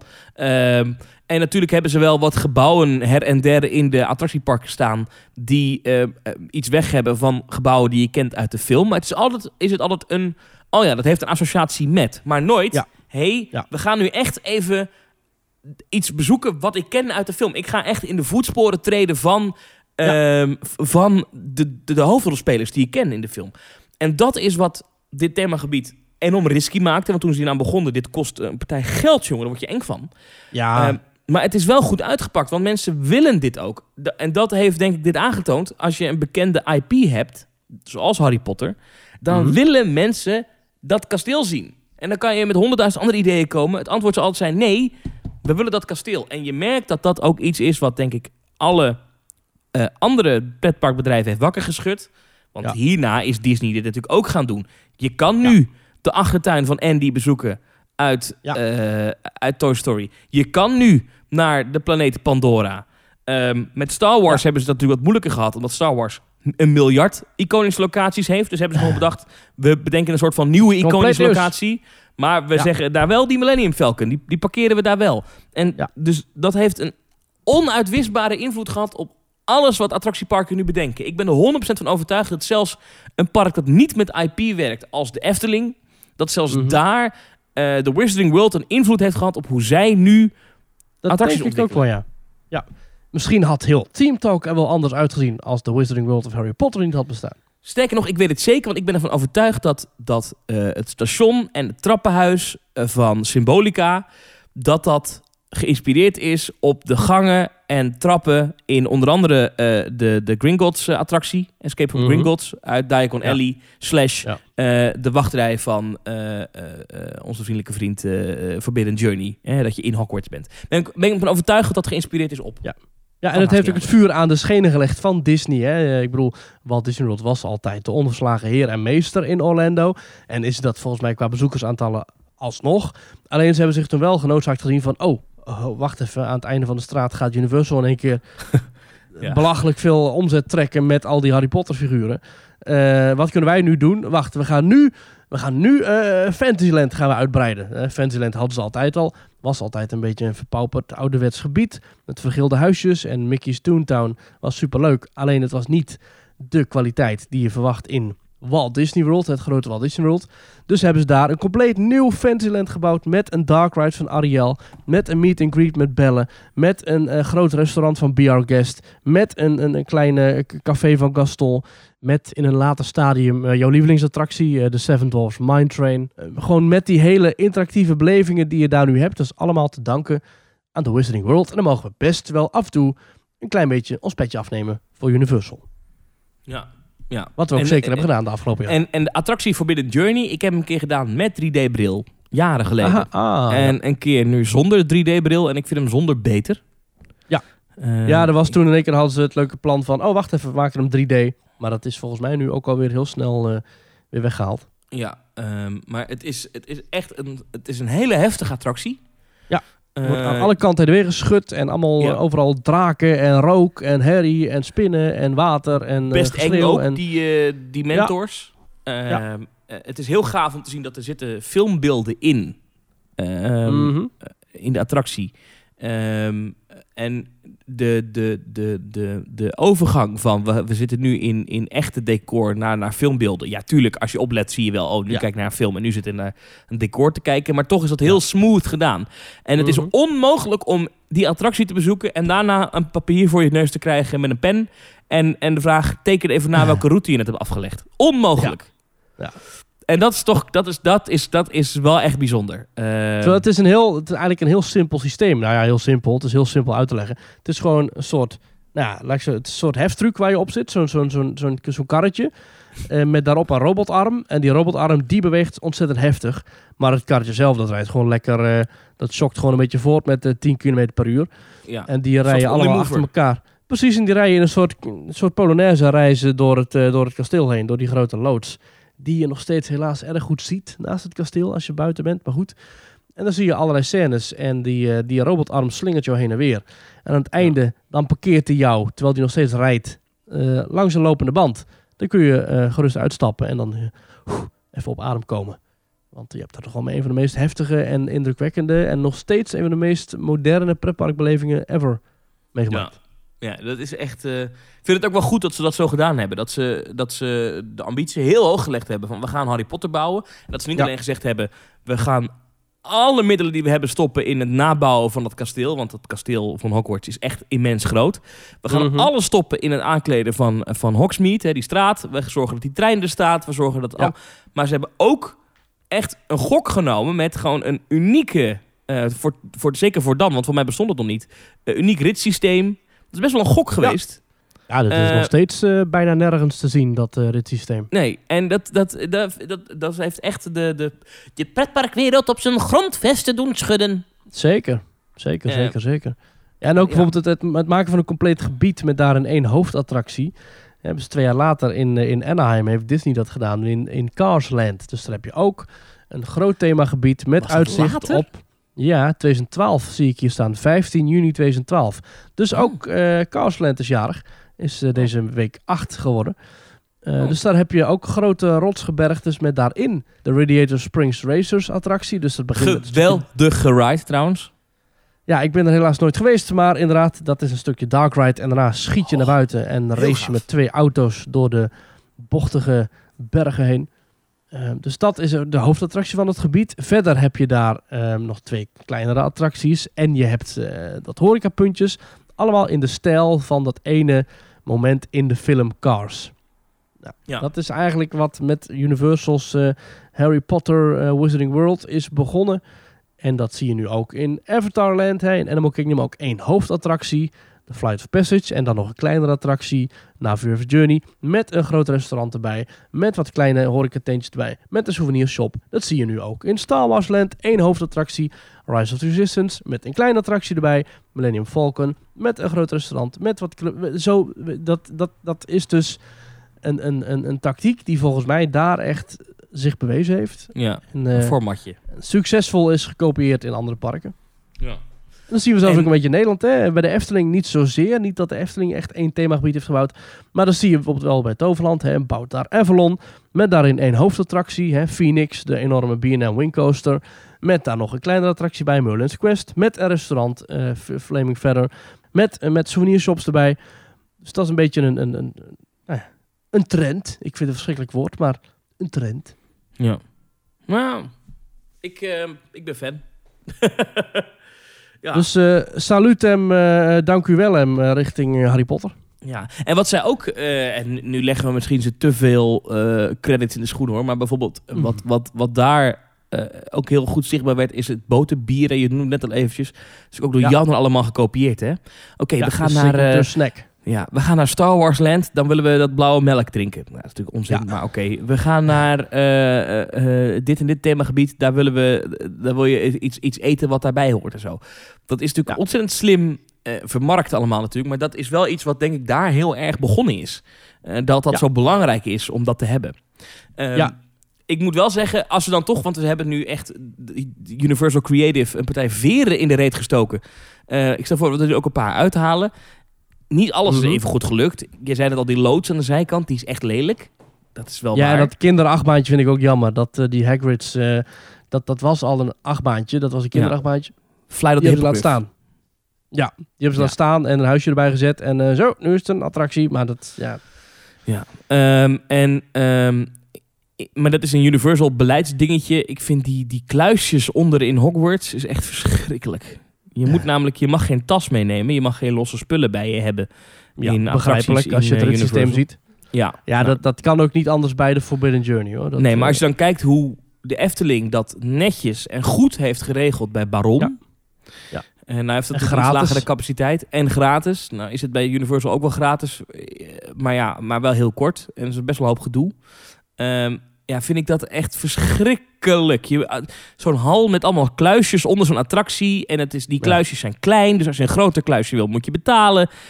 Hou nou toch op. Dat is... Ja, Ja, maar daar komt de bedrijfsvoering van Universal weer in conflict met het product. Weet je wat over de Efteling ook wordt gezegd? Hè? Eh, eh, de beleving van het product tegenover het, het handelen van het bedrijf. Nou, dan zeg ik hetzelfde bij Universal. Hè? Harry Potter hartstikke gaaf.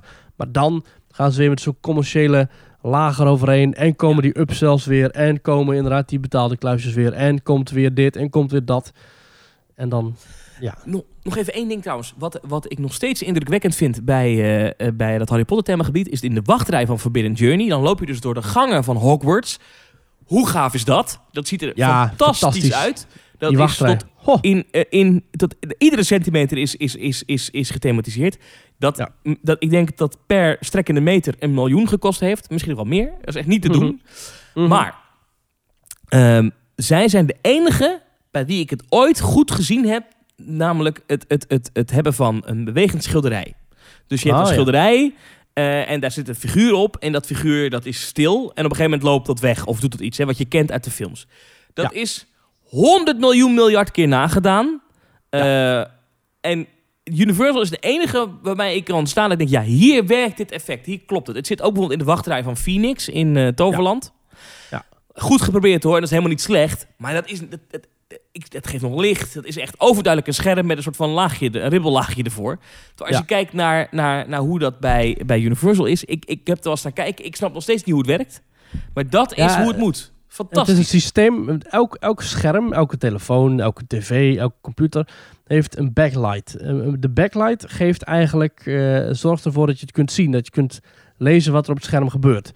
Als je Ja. die backlight uitzet, of gewoon weghaalt, ehm, dan heeft dat scherm dus geen backlight. En als je daar dan over eh, het filmpje zelf een patroon doet van inderdaad een, een, een afgebrokkeld schilderij. Dus met een beetje verfscheurtjes eh, laag in het schilderij. En Ja. daar overheen dan nog een laagje eh vernis eh, strijkt. Mhm. Dan lijkt dat best wel op een schilderij. En dan kun je dus gewoon een filmbeeld op afspelen. Nu heeft Universal dat eenmaal uitgevonden. En daar waren ze wel niet zo trots op dat datzelfde systeem ook massaal is toegepast in bijvoorbeeld de wachtrij van Gringotts. En dat, dan denk je wel van oké, nu heb ik het gezien. Maar overal op elke, el- elke hoek in dat gebouw kom je weer een schilderij tegen. Dat dan ook weer in één keer tot leven komt. En dan is het een beetje herhaling van zetten. Maar goed, het werkt wel heel mooi. Dat klopt. Ja, ja. Ik moet ik zeggen dat Diagon Alley, eh, dat themagebied, eh, is ook heel cool, hè? Want je kan de weg is weg belopen. Super gaaf. Ook als je Maar mensen komt die niks met Harry Potter minder, hebben, die vinden het nog gaaf. Ja, wat mij daar wel een klein beetje tegenstaat, is dat ik denk van het hele themagebied de meeste vierkante meters opgaan aan winkelruimte. Ja. Dat is echt, Gewoon dat is, gewoon een, dat, is, dat is gewoon een gethematiseerd winkelcentrum met een attractie. Ja. En ik snap, dan wordt geld verdiend, maar ja, op een gegeven moment heb ik het wel gezien, al die, eh, al die souvenirs. Want het zijn namelijk dezelfde souvenirs als wat je kan kopen in het andere park. Ja. Ehm, ja, klopt. ja. Ook butterbeer, ook een toverstok. Ja. Maar oh, wat, wat, de- ja, het is het summen in, in pretparkland nog steeds. Ik, nou, ik vind Pandora is, is, heb ik, is, daar ga ik liever nu naartoe, omdat ik dat van, dat, dat, dat, dat is ook buiten en dat vind ik, ja, vind ik gewoon gaver op een of andere manier. Maar Ja. Harry Potter is nog steeds wel de standaard eigenlijk. Eh, nu. Ja, zeker. Tien jaar alweer, man. Jeetje. Ja. Ik weet, ik weet nog dat het open ging. Zaten we allemaal achter de, op, de, op de internetfora hele Mhm. dagen foto's te kijken. Oh, wat gaaf. Oh, wat gaaf. En natuurlijk ook dat de, cast zelf bij de opening aanwezig was. Niet allemaal, geloof ik, maar wel het grootste deel. Ja. Ehm, Ja, ja, ja, ja, ja. heel cool. Hey, over Orlando gesproken. Ja. Daar is wat aan de hand. Eh, sowieso is in Amerika wel een en ander aan de hand met betrekking tot corona. Ehm, maar Walt Disney World gaat die komende maanden nog niet zo opereren als we het kennen. De bekende Mickey's Not So Scary Halloween Parties, een Ja. icoon in Walt Disney World, gaan Zeker. allemaal niet door. Ze zijn allemaal gecanceld eh, vanwege corona. Want, zo zegt Walt Disney World zelf, ehm, dit, dit evenement bestaat vooral uit het uitdelen van snoep. Uit het zien van een parade. Uit het zien van de vuurwerkshow. Uit meet and greets met entertainment, met karakters. En dat kan nu niet veilig gebeuren. Dus hebben we de moeilijke keuze moeten maken om alle Mickey's Not So Scary Halloween parties af te gelasten. Jammer. Dat is toch even een heftige keuze geweest. Jammer. Dit, Ja. dit seizoen, het is zo'n... Het is zo'n... Het is zo anders dan normaal. Ja. Ehm, en ehm, we weten ook nu wat dingen over Turtle Talk with Crush. Oh. eh, in Epcot en Festival of the Lion King. Dat zijn twee shows natuurlijk. Festival of the Lion King is echt een hele grote show. Niet Mhm. open vanaf 11 juli. Aha. Eh, wanneer wel, weten we niet. Maar in eerste instantie dus niet. Ja, dat shows niet door zouden gaan, wisten we eigenlijk al wel. Mhm. Ik vraag mij af of dan bijvoorbeeld een eh, Monsters Inc. Love Floor in ehm, Magic Kingdom... of dat dan wel kan. Ja, inderdaad. Ja. Maar er is dus een lijst met attracties die open gaan. Eh, en ja, Ja. bijvoorbeeld wel in Epcot, die American Adventure, is dat wel op die lijst. Oh, dat is wel gaaf, want dat is een enorme zaal met daarin een soort animatronic show. Ja, Het zijn Hmm. animatronics, zijn geen mensen, dus die kunnen gewoon zonder mondkapje op het... eh zou dat het zie- misschien zijn? Nou, nee, want bij Crush is het ook een eh, ja. digitale schildpad. Dus, Animal Kingdom gaat Flight of Passage gewoon open. Dus dat is ook Mhm. wel positief. In Hollywood Studios gaan Millennium Falcon, Smuggler's Run gaat gewoon open. Rise of the Resistance is gewoon open. mhm. is eigenlijk allemaal gewoon eh, te doen. Eh, ja. ja, wel interessant. In Hollywood Studios doen ze nu allemaal character cavalcades throughout the day. Eh, Mhm. Op Hollywood Boulevard. Dus de Disney Junior Stars Motorcade, Mickey and Friends Motorcade en de Pixar Motorcade. Mhm. gewoon, gewoon een auto met wat figuren door de straat laten rijden. Dat was een tijdje weg, maar dat komt nu dus vanwege corona weer terug. Omdat al het andere Ja. entertainment natuurlijk geschrapt is. Ja, ja, ja. Ehm, ja, in Hongkong Disneyland doen ze dat ook. Daar heb je ook een... eh, op de traptreden van, het, eh, van de trein. Daar poseren nu inderdaad ook meerdere keren per dag de eh, Disney-karakters. Mickey en Minnie, Donald, Katrien, Goofy, Pluto en Knabbele Babbel. Die zie je nu staan op de traptreden van de trein van Hongkong Disneyland. Dus daar kun je ook je foto's maken. Maar je kunt niet meeten en greeten met je favoriete figuur, helaas. Nou, eh, en wat ook niet meer kan in Orlando, dat is dadelijk is parkhoppen. Dus je kunt ook niet meer eh, meerdere parken per dag bezoeken. En dat is ook wel een, een, een, een- een domper. Dat, zou ik, dat vind ik altijd heel fijn als ik op vakantie ben in Orlando. Je weet gewoon, oké, nou, het is nu, ik ben nu overdag in Animal Kingdom. Maar vanavond ga ik nog even kijken naar Fantasmic in Disney's Hollywood Studios. Of ik ga morgenochtend begin ik in Magic Kingdom. En daarna ga ik door naar Epcot. Want dan ga ik daar even lekker lunchen in, in het Japan paviljoen. Of zo. Dat kan dus niet meer, nee. voorlopig. Ehm, dan is er nog een ander ding wat, eh, wat eh, interessant is, is dat er is heel veel gesproken over virtuele wachtrijen. Zoals Walibi Mhm. ook heeft, hè, dat je alleen maar via de Walt Disney World, de My Disney Experience app, eh, kan zeggen, ik wil nu in Haunted Mansion. En dan zegt hij, kom over een kwartier weer terug en dan kan je meteen instappen. Geen wachtrijen meer. Mhm. Ehm, dat leek eraan te komen. Shanghai heeft dat ook hè, voor een deel. Mhm. Ehm, maar het lijkt er nu op, maar dat is nog niet bevestigd. Maar castmembers zouden de instructie hebben gehad dat niet meer te zeggen. Want het was ook als je een, resort reserveerde, dan stond het in de frequently asked questions. Stond inderdaad dat er een, eh, een reserveringssysteem zou komen voor attracties. Eh, nu is Ja. tegen castmembers gezegd om die informatie niet meer te geven aan gasten. En Scott Gustin, eh, die is ook van Walt Disney World News Today onder andere. En echt zo'n zo'n eh, ja, zo'n zo'n Disney Parks volger. Die zegt nu Mhm. dat eh, waarschijnlijk als het park heropent in de eerste periode er geen virtuele wachtrijen zullen zijn. Dus gewoon normale wachtrijen. Aha. This includes Rise of the Resistance. Dus ook die gaat gewoon open met poortje open en ga maar gewoon in de rij staan. Oei, op anderhalf meter afstand of six feet is het geloof ik in Amerika. Geen single rider lines. Dat doen ze niet. Maar ik vind het wel bijzonder, want in Walibi is het juist de oplossing voor de coronaperikelen. Moet je, dat je, moet je juist overal reserveren. En Ja. dan gaat nu Disney dat helemaal afschaffen overal. Ja, Mhm. maar wat natuurlijk, nou ja, ze beginnen natuurlijk met heel weinig bezoekers, met een enorm lage capaciteit. En dan kan je natuurlijk Ja. gewoon kijken hoe pakt het uit in die wachtrijen. Dan kan je, dan kan je er nog wel een beetje mee spelen. Als dan blijkt Ja. dat totaal niet werkt, dan kan je natuurlijk zeggen, nou we voeren dat alsnog in. Ja. Ehm, eh, ja, dat klopt. Dat klopt. Maar, dit is dus waar ze nu mee beginnen bij eh Walt Disney World. Dat is, het is nu het verhaal, maar Disney officieel heeft dat nog niet eh, bekendgemaakt. Jammer hè? Hmm. Jeetje. Ja. Ik ben toch echt wel benieuwd hoe de komende maanden gaat lopen hoor in, eh, in Orlando. Zodat dadelijk allemaal weer open is. En in, in, in Anaheim gaat Disneyland ook weer open op 17 eh, juli. ja, Is nu bevestigd. waar de vakbonden een gigantisch bezwaar tegen maken. Eh, Ja. Die dringen nu op aan eh, bij de staat Californië, maar ook bij eh, de lokale autoriteiten in Orange County, waar Disneyland onder valt in Anaheim, om toch Ja. het park gesloten te houden. Vergeet niet, in Californië is corona nog lang niet weg, hè? Het is niet. eh, Nee. ehm, ja, en ook Florida gaat nog steeds hard. Ja, daar gaan de, de outbreak, die slaat daar nog steeds we gaan kijken, nieuwe, ge- nieuwe gevallen. Mhm. Eh, ja, dat, dat loopt echt nog... In de afgelopen weken, als je die grafiek ziet, loopt het echt wel flink op, nog steeds. Kijk, ik ben, geen, ik ben geen eh, viroloog, dus aan mij moet je het absoluut niet vragen. Maar het is in ieder geval niet zoals bij ons. Bij ons is echt corona aan het afnemen en bijna weg, weet Ja. je wel. Nihil. Ja. Dat is in Ja. Florida niet. En er zijn ook verhalen op Twitter, maar goed, dat is Twitter... eh, dat onder het personeel van Universal er een, een coronagolfje rondgaat. Ai, ai, ai, ai, ai. Oei, oei, oei, oei, oei. Ja, dan komen we Hmm. toch in Nederland goed weg. Dat, dat, dat met die heropening van die parken, dat dat toch allemaal Ja. gewoon eh, wel meevalt, de corona. Maar bij Ja, de Amerikanen lijkt dat toch niet mee te vallen. Mm. Ja, dat is toch wel, eh, dat is wel heftig. Ehm, ja. Heel Orlando draait op die gasvrijheid. Dus het, het gaat nu allemaal mondjesmaat weer open. Maar stel, stel het blijft open. Dat is nog maar één ding. Maar stel, misschien moet het wel allemaal weer dicht dadelijk. Maar stel het blijft open. Tot ja, wanneer het weer op zijn oude niveau is, joh. Dat, is, dat, dat, dat, dat kan nog zo lang duren. Voordat al die klappen zijn eh, gevallen. ja, en wat jij zei natuurlijk over parkhoppen net. Mhm. eh, daar gingen we een beetje snel overheen. Maar dat is natuurlijk nog best wel een ding. Ja, dat is Eh, wat, wat voor mij juist het hele, het hele ding van Walt Disney World is van... Je mag doen wat je wil, ga maar wat je wil, whatever. Het is allemaal open, allemaal veel plezier. Maar ja, als je maar één, één park per dag mag doen, dan is dat... dat lopend buffet idee is dan al gauw voorbij. Ja, en mensen die dus tickets hebben met Parkhopper of Parkhopper Plus... die kunnen dus via de website eh, een refund vragen. Nou, Ja. Nou ja, dat Mm. is ook alweer netjes. Want ja, je hebt er wel voor betaald. Het is best wel wat duur ook, hè, parkhoppen. Bij eh Ja. Walt Disney World. Ja, Nou, ja. Nou, nou, nou. Jeetje. Nou, Jeetje, zeg. mina. Hè. Goh, Ik, eh, nou. ik, mijn abonnement is nog niet verlengd, zag ik.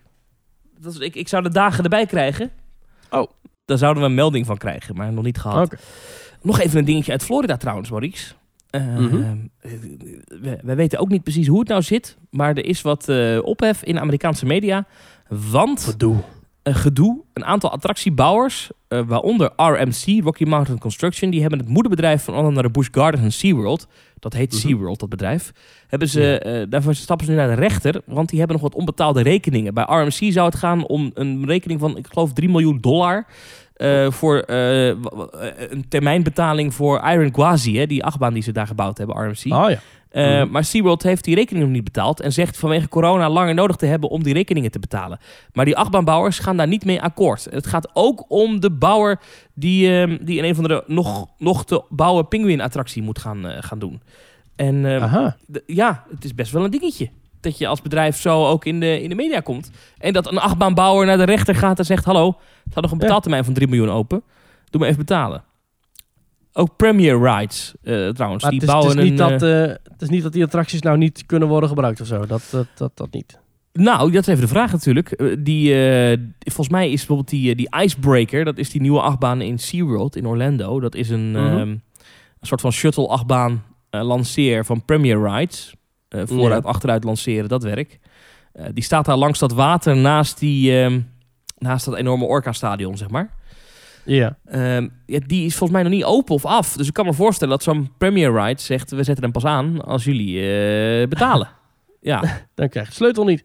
Nee, ja, ik denk dat ik neem aan dat, dat zo'n dat zo'n achtbaanbouwer hem uiteindelijk moet opleveren voordat je hem kan gebruiken. Ik weet niet hoe dat met Iron Gwazi is. Eerst zeven zakken goud. En het gaat er echt om, om, om miljoenen. En het is niet zo dat SeaWorld zegt we willen niet betalen. Maar we, we Mhm. hebben gewoon eh, nu de liquiditeit niet. Want we zijn heel lang dicht geweest. En we hebben ook de salarissen door moeten betalen voor een deel. Dus eh, Ja. wacht maar even tot we weer een tijdje open zijn. Dan gaan we de rekeningen betalen. Ja. Ehm, eh, maar deze partijen zijn het daar niet mee eens en stappen naar de rechter. Want ja, zij hebben ook salarissen te betalen natuurlijk. Ja, zeker. Het is wel een dingetje. Wat Ik dan? zit nou foto's te kijken van die icebreaker. Ik vond het toch ook... Ik heb, ik heb er langs gelopen. Mhm. Ja, ik weet niet. Het zag er niet heel spannend uit of zo. Ik had niet het idee dat het nou echt een hele... Ja. Het is Dat was een nieuwe achtbaan in SeaWorld. Nieuwe achtbaan in SeaWorld, ja. Maar weet je, SeaWorld heeft natuurlijk een paar hele dikke B&M's en weet ik het. En dan voelt dit toch een beetje als een Mhm. klein dingetje of zo. Oh ja, dat is jammer. Ja. Ja. We hebben nog wat reacties van onze petje.af. Fans, vrienden, luisteraars, eh, collega's, dingen. Max die zegt... Al sinds het begin luister ik met veel plezier wekelijks naar jullie podcast. Ga zo door. Dat eh, zullen we zeker doen. Dankjewel, Max. Dank jullie wel voor het entertainment tijdens het typen van mijn scriptie, zegt Naomi. Omdat ik hopelijk afgestudeerd ben, mede dankzij jullie, hierbij mijn donatie. Hierbij ook nog één vraag. Wat is het meest romantische wat je in een pretpark kan doen naast uit eten gaan? Nou, Wacht, wacht even. Ze is geslaagd dankzij ons. Ja, want, want ze typt nu haar scriptie. En, en tijdens het luisteren eh, werkt ze aan haar scriptie. En wij zijn dan een soort van welkome afleiding bij de scriptie. Begrijp ik uit dit verhaal. Jeetje. Mooi, hè? Ik wil zeggen, heel informatief kan het dan toch niet zijn geweest wat wij allemaal... eh, Ah ja, of het is een scriptie over pretparken. Dat kan natuurlijk ook nog. kan ook. Maar Even vragen aan Naomi. Die kunnen we aan? Naomi vragen via de WhatsApp groep. wat is nou Wat het meest romantische, wat je in een pretpark kan doen? Hmm. Ja, naast uit eten gaan. Ja, ik wil zeggen, daar heb je het al. Want eh, heel veel pretparken hebben heel mooie restaurants waar je gewoon gezellig romantisch met je geliefde kunt dineren. Ehm, Ik had ooit een Ja, schoonmaakster thuis. En nu niet meer, want ze, is, eh, ze, ze, ze heeft ander werk gevonden. Maar zij was eh, of Oh. ja, interieurverzorgster, moet je zeggen. Hè? mhm. En eh, haar man, inmiddels man, die had haar ten huwelijk gevraagd eh, in de uh, Rock and Roller Coaster in Disneyland Parijs, vlak voor de lancering. Oh, echt? Ja, Oh, wat vet. Dat, Ja, dat is niet per se het eerste wat ik aan zou denken bij een romantische attractie. Maar eh, nee, ja. ja. Ik vond Oh. het ook een heel bijzonder eh, verhaal. Ja. Ik zou het zelf ook niet zo gauw doen, denk ik. Ja, Nee. maar, ja, dat is, eh, ja, maar het was eh, ja, hartstikke leuk natuurlijk. Ik bedoel, deze mensen waren heel gelukkig mee. Moeten ze vooral doen. Maar dat, eh, dat, dat, dat is me altijd bijgebleven. Dus dat, dat was voor haar heel romantisch. Dat is natuurlijk mooi. Natuurlijk, En vlak voor die lancering. ja, nee, me zeker. trouwen? Ja! Three, two! Weet je, die, de stem van Steven Tyler in je nek hijgend. En dan boem. Ja, nou, precies. ja, hartstikke leuk. wat romantisch. Ja, ik, ik denk dat ik dan heel snel op de cliché-attracties zou komen. Hè? Dus de gondoletta, weet je wel, gezellig met z'n tweeën in een bootje. Nu zeker met corona, dat is dan wel weer een voordeel. Je hebt gewoon de hele boot voor jezelf. Dat is dan toch Ja. wel weer een... een, een, een, een eh, elk nadeel heeft zijn voordeel. Mm, ja, het meest romantische... Ja, daar kom ik Ja, denk- natuurlijk ja, die wedding chapels bij Disney. In eh Walt Disney World. Ja, precies, de- eh, de- wedding eh, pavilion. ja, ongekend romantisch natuurlijk. Als je gaat trouwen in Daar Walt ging Disney het, World. eh, Ja. ging het onlangs nog over in de Disney Dish with Jim Hill podcast. Mhm. dat eh, Disney heeft nu dus eigen wedding pavilion, eh, wedding planner afdeling. Dus niet te doen dat je gaat trouwen in Walt Disney World op eigen houtje. Maar er zijn dus wel gezelschappen die gewoon met mooie nette kleren aan het park betreden en dan zelf even snel een huwelijksceremonie voltrekken op bijvoorbeeld de boot van ehm, eh, Liberty Square. Dat is heel grappig. Dan heb je dus die, ehm, die, die radarboot, hè. En er was jarenlang, vertelde Jim Hill, was er een man, een, een, kapitein op dat schip, die gewoon ehm, op het moment dat hij merkte dat er een, een, een groep eh, mensen was die daar was voor een bruiloft, dus met, eh, met een bruid en de bruidegom en de familie en de, de, de, de ambtenaar ehm, in, in kwestie, dat hij dan het bovendek, eh, dat, dat, dat liet hij dan zeg maar ontruimen, exclusief voor dat gezelschap. En als ze dan net het bochtje om waren waar er geen camera's hingen, dan konden ze daar gewoon gratis hun huwelijksceremonie voltrekken. Superleuk verhaal. En dat heeft hij echt jarenlang volgehouden. maar mocht niet eh, meer op een gegeven moment. Dat, dat mocht niet natuurlijk. Eh, Disney heeft dat natuurlijk nooit goedgekeurd. Want ja, ze willen natuurlijk, als je daar wil trouwen, dan mag je natuurlijk ook de knip trekken van Mickey. Maar dat is dus jarenlang is dat een soort eh, traditie geweest. Oh, grappig. Maar goed, Ja. even terug naar de vraag. Het meest romantische, ja, eh, eh, ja, eh, misschien attracties waarbij je lekker samen innig verstrengeld kunt zitten. Dus eh. Ja, ja, ja, bijvoorbeeld eh, de, de Revolution in, in, in, in Bobby Aland of, ehm, of de, de Maximus Blitzbaan in, in Toverland. of, eh, of ja, goh, hè. Ik vind pretparken niet zo'n heel romantisch iets eigenlijk. Als ik heel eerlijk ben. Oh, dat vind ik wel. Dan moet je wel het Oh. goede moment van de dag, weet je wel, als de zon onder is gegaan. Oh. En zo s'avonds, terwijl de, de krekels chirpen, dan kun je gewoon lekker met z'n tweeën gezellig hand in hand romantisch door een pretpark wandelen. Oh, oké. Ja. Nou. Ja? Ja. Vind je niet? Ik reken ze goed. Tony, Ja. die zegt al een tijdje vaste luisteraar en altijd los gedoneerd. Maar nu werd het eens tijd om een petje af te nemen. Ga vooral zo door met de podcast. Dankjewel, Tony, voor je Ja. bijdrage. Merlijn Looyen, die eh, mailt ons. Die zegt, hallo Theme Talk. Ik vind jullie podcast best wel goed. Nou, dat is best wel leuk. goed. Jullie weten van veel onderwerpen erg veel. En dankzij jullie ga ik naar Florida. Nu is Ah. mijn vraag. Zou je zes pretparken in vijf dagen kunnen doen? En dan hebben we het over Busch Gardens, SeaWorld, Universal Studios, Islands of Adventure, Magic Kingdom en Animal Kingdom. Moet ik hier parken uithalen of andere bezoeken? Alvast bedankt Oh, voor jullie reactie. Groetjes Merlijn Looyen. Nou, Marlijn, ten eerste fantastisch dat je naar Orlando gaat. Dat is geweldig. Maar ten tweede, eh, ik, ik zou het eigenlijk niet aanraden. Ik zou niet, niet in zo'n korte tijd zoveel parken op elkaar proberen te proppen, denk ik. Ik vind het ook wat Ik veel. weet, helemaal, ik, ik weet helemaal niet hoe jij qua tijdsplanning zit, Marlijn. Maar is het niet mogelijk om er misschien nog wel dagen aan vast te plakken? Kijk, het, het duurste van je trip is uiteindelijk toch je vliegreis. Dus kun je misschien proberen om, om, om daar wat, wat meer dagen tussen te plakken wellicht. Want het is, ik, het, het is zo'n overweldigend iets, Orlando. Het is niet zo van, we gaan even een dagje naar Walibi. Het is echt, elk park is daar zo immens groot en veel en druk. En ik denk dat, dat, je, dat je op alle fronten helemaal, helemaal, helemaal gek wordt als je zes parken in vijf dagen probeert te doen. Ik vind het ook wat veel, ja. Maar, ja... ehm, Als en echt niet anders kan. kijk, als, je, als je naar Busch Gardens, dat is gewoon anderhalf uur rijden vanaf Orlando. Ook, Ja, da- Dus daarom. Dat helemaal alleen handig. Ja. eh, Nee. En SeaWorld, ja, je kan een ochtendje SeaWorld doen en dat je dan daarna naar Universal Studios gaat. Dat kan. Eh, maar bijvoorbeeld parken als Magic Kingdom en Animal Kingdom heb je gewoon een dag voor nodig. Zeker ook als Ja. het druk is. Zeker. Ehm Islands of Adventure heb je ook gewoon denk ik een dag voor nodig. Ja. Ehm, dus in theorie zou het dan kunnen, hè? want als je dan op dag 1 ehm SeaWorld en Universal Studios combineert, dag 2 Busch Gardens, eh, dag 3 Islands of Adventure, dag 4 maar als Magic je- Kingdom eh, Ja. en dag 5 Animal Kingdom, ja, dan, dan kan dat. Als je voor al die parken ook los entree gaat betalen, dan volgens mij ben je goedkoper uit. Als je dan zegt van, weet je wat, ik, ik doe dan Busch Gardens en SeaWorld niet en dan koop ik een derde dag Universal bij, dan ben je goedkoper uit. Want voor die derde dag betaal je dan nog maar 20 dollar of zo. Ja, maar goed, als jij ook, je wil het misschien een keertje in Mako gedaan hebben, of je wil een keer in eh Cheetah Hut. Nou. Je dat, ik snap dat wel. Ik zou, Nou, dan, ik- zou er gewoon, ik zou er wat meer tijd voor nemen. Je, als je namelijk gaat zeggen, we gaan pretpark combineren. Je gaat 's ochtends naar SeaWorld en 's middags naar Universal. En het is de enige keer dat je er komt. Ja, Daar krijg je spijt van. Daar krijg je spijt Ja. van. Want dan moet je in SeaWorld loop je op je klok te kijken. En dan moet je, ja, die achtbaan hebben we niet kunnen doen, want we moeten nog naar Universal. Weet je, dat is niet leuk. Moet je niet doen. En dan verlies je, en dan verlies je kostbare parktijd van het Ja. in de auto of in de bus zitten tussen die twee parken overdag. Dat is echt Ja, zonde nou, van je tijd. Van SeaWorld naar Universal is eh, 10 minuten rijden. Maar oké, je hebt gelijk. Ja. Ja, nee, maar goed, je moet naar de parkeerplaats, je moet in je auto, je moet naartoe rijden, je moet weer parkeren, je moet. Dat is ook weer minstens een uur dat je bezig bent hoor. Plus, eh, nog een dingetje, ehm, in Busch Gardens en SeaWorld vond ik de shows heel goed. Ehm, dus je moet dan in allebei de parken moet je dan toch wel de shows zien. Maar ja, die shows zijn niet elk moment van de dag. Dus je zit dan echt wel te kijken wat je planning. Ik zou echt kijken, ten eerste of ik zou kijken of je meer dagen kunt toevoegen. Kan dat niet, dan zou ik Busch Gardens en SeaWorld schrappen. En dan zou ik dat dan doen ter faveur van eh, meer dagen Universal en Disney.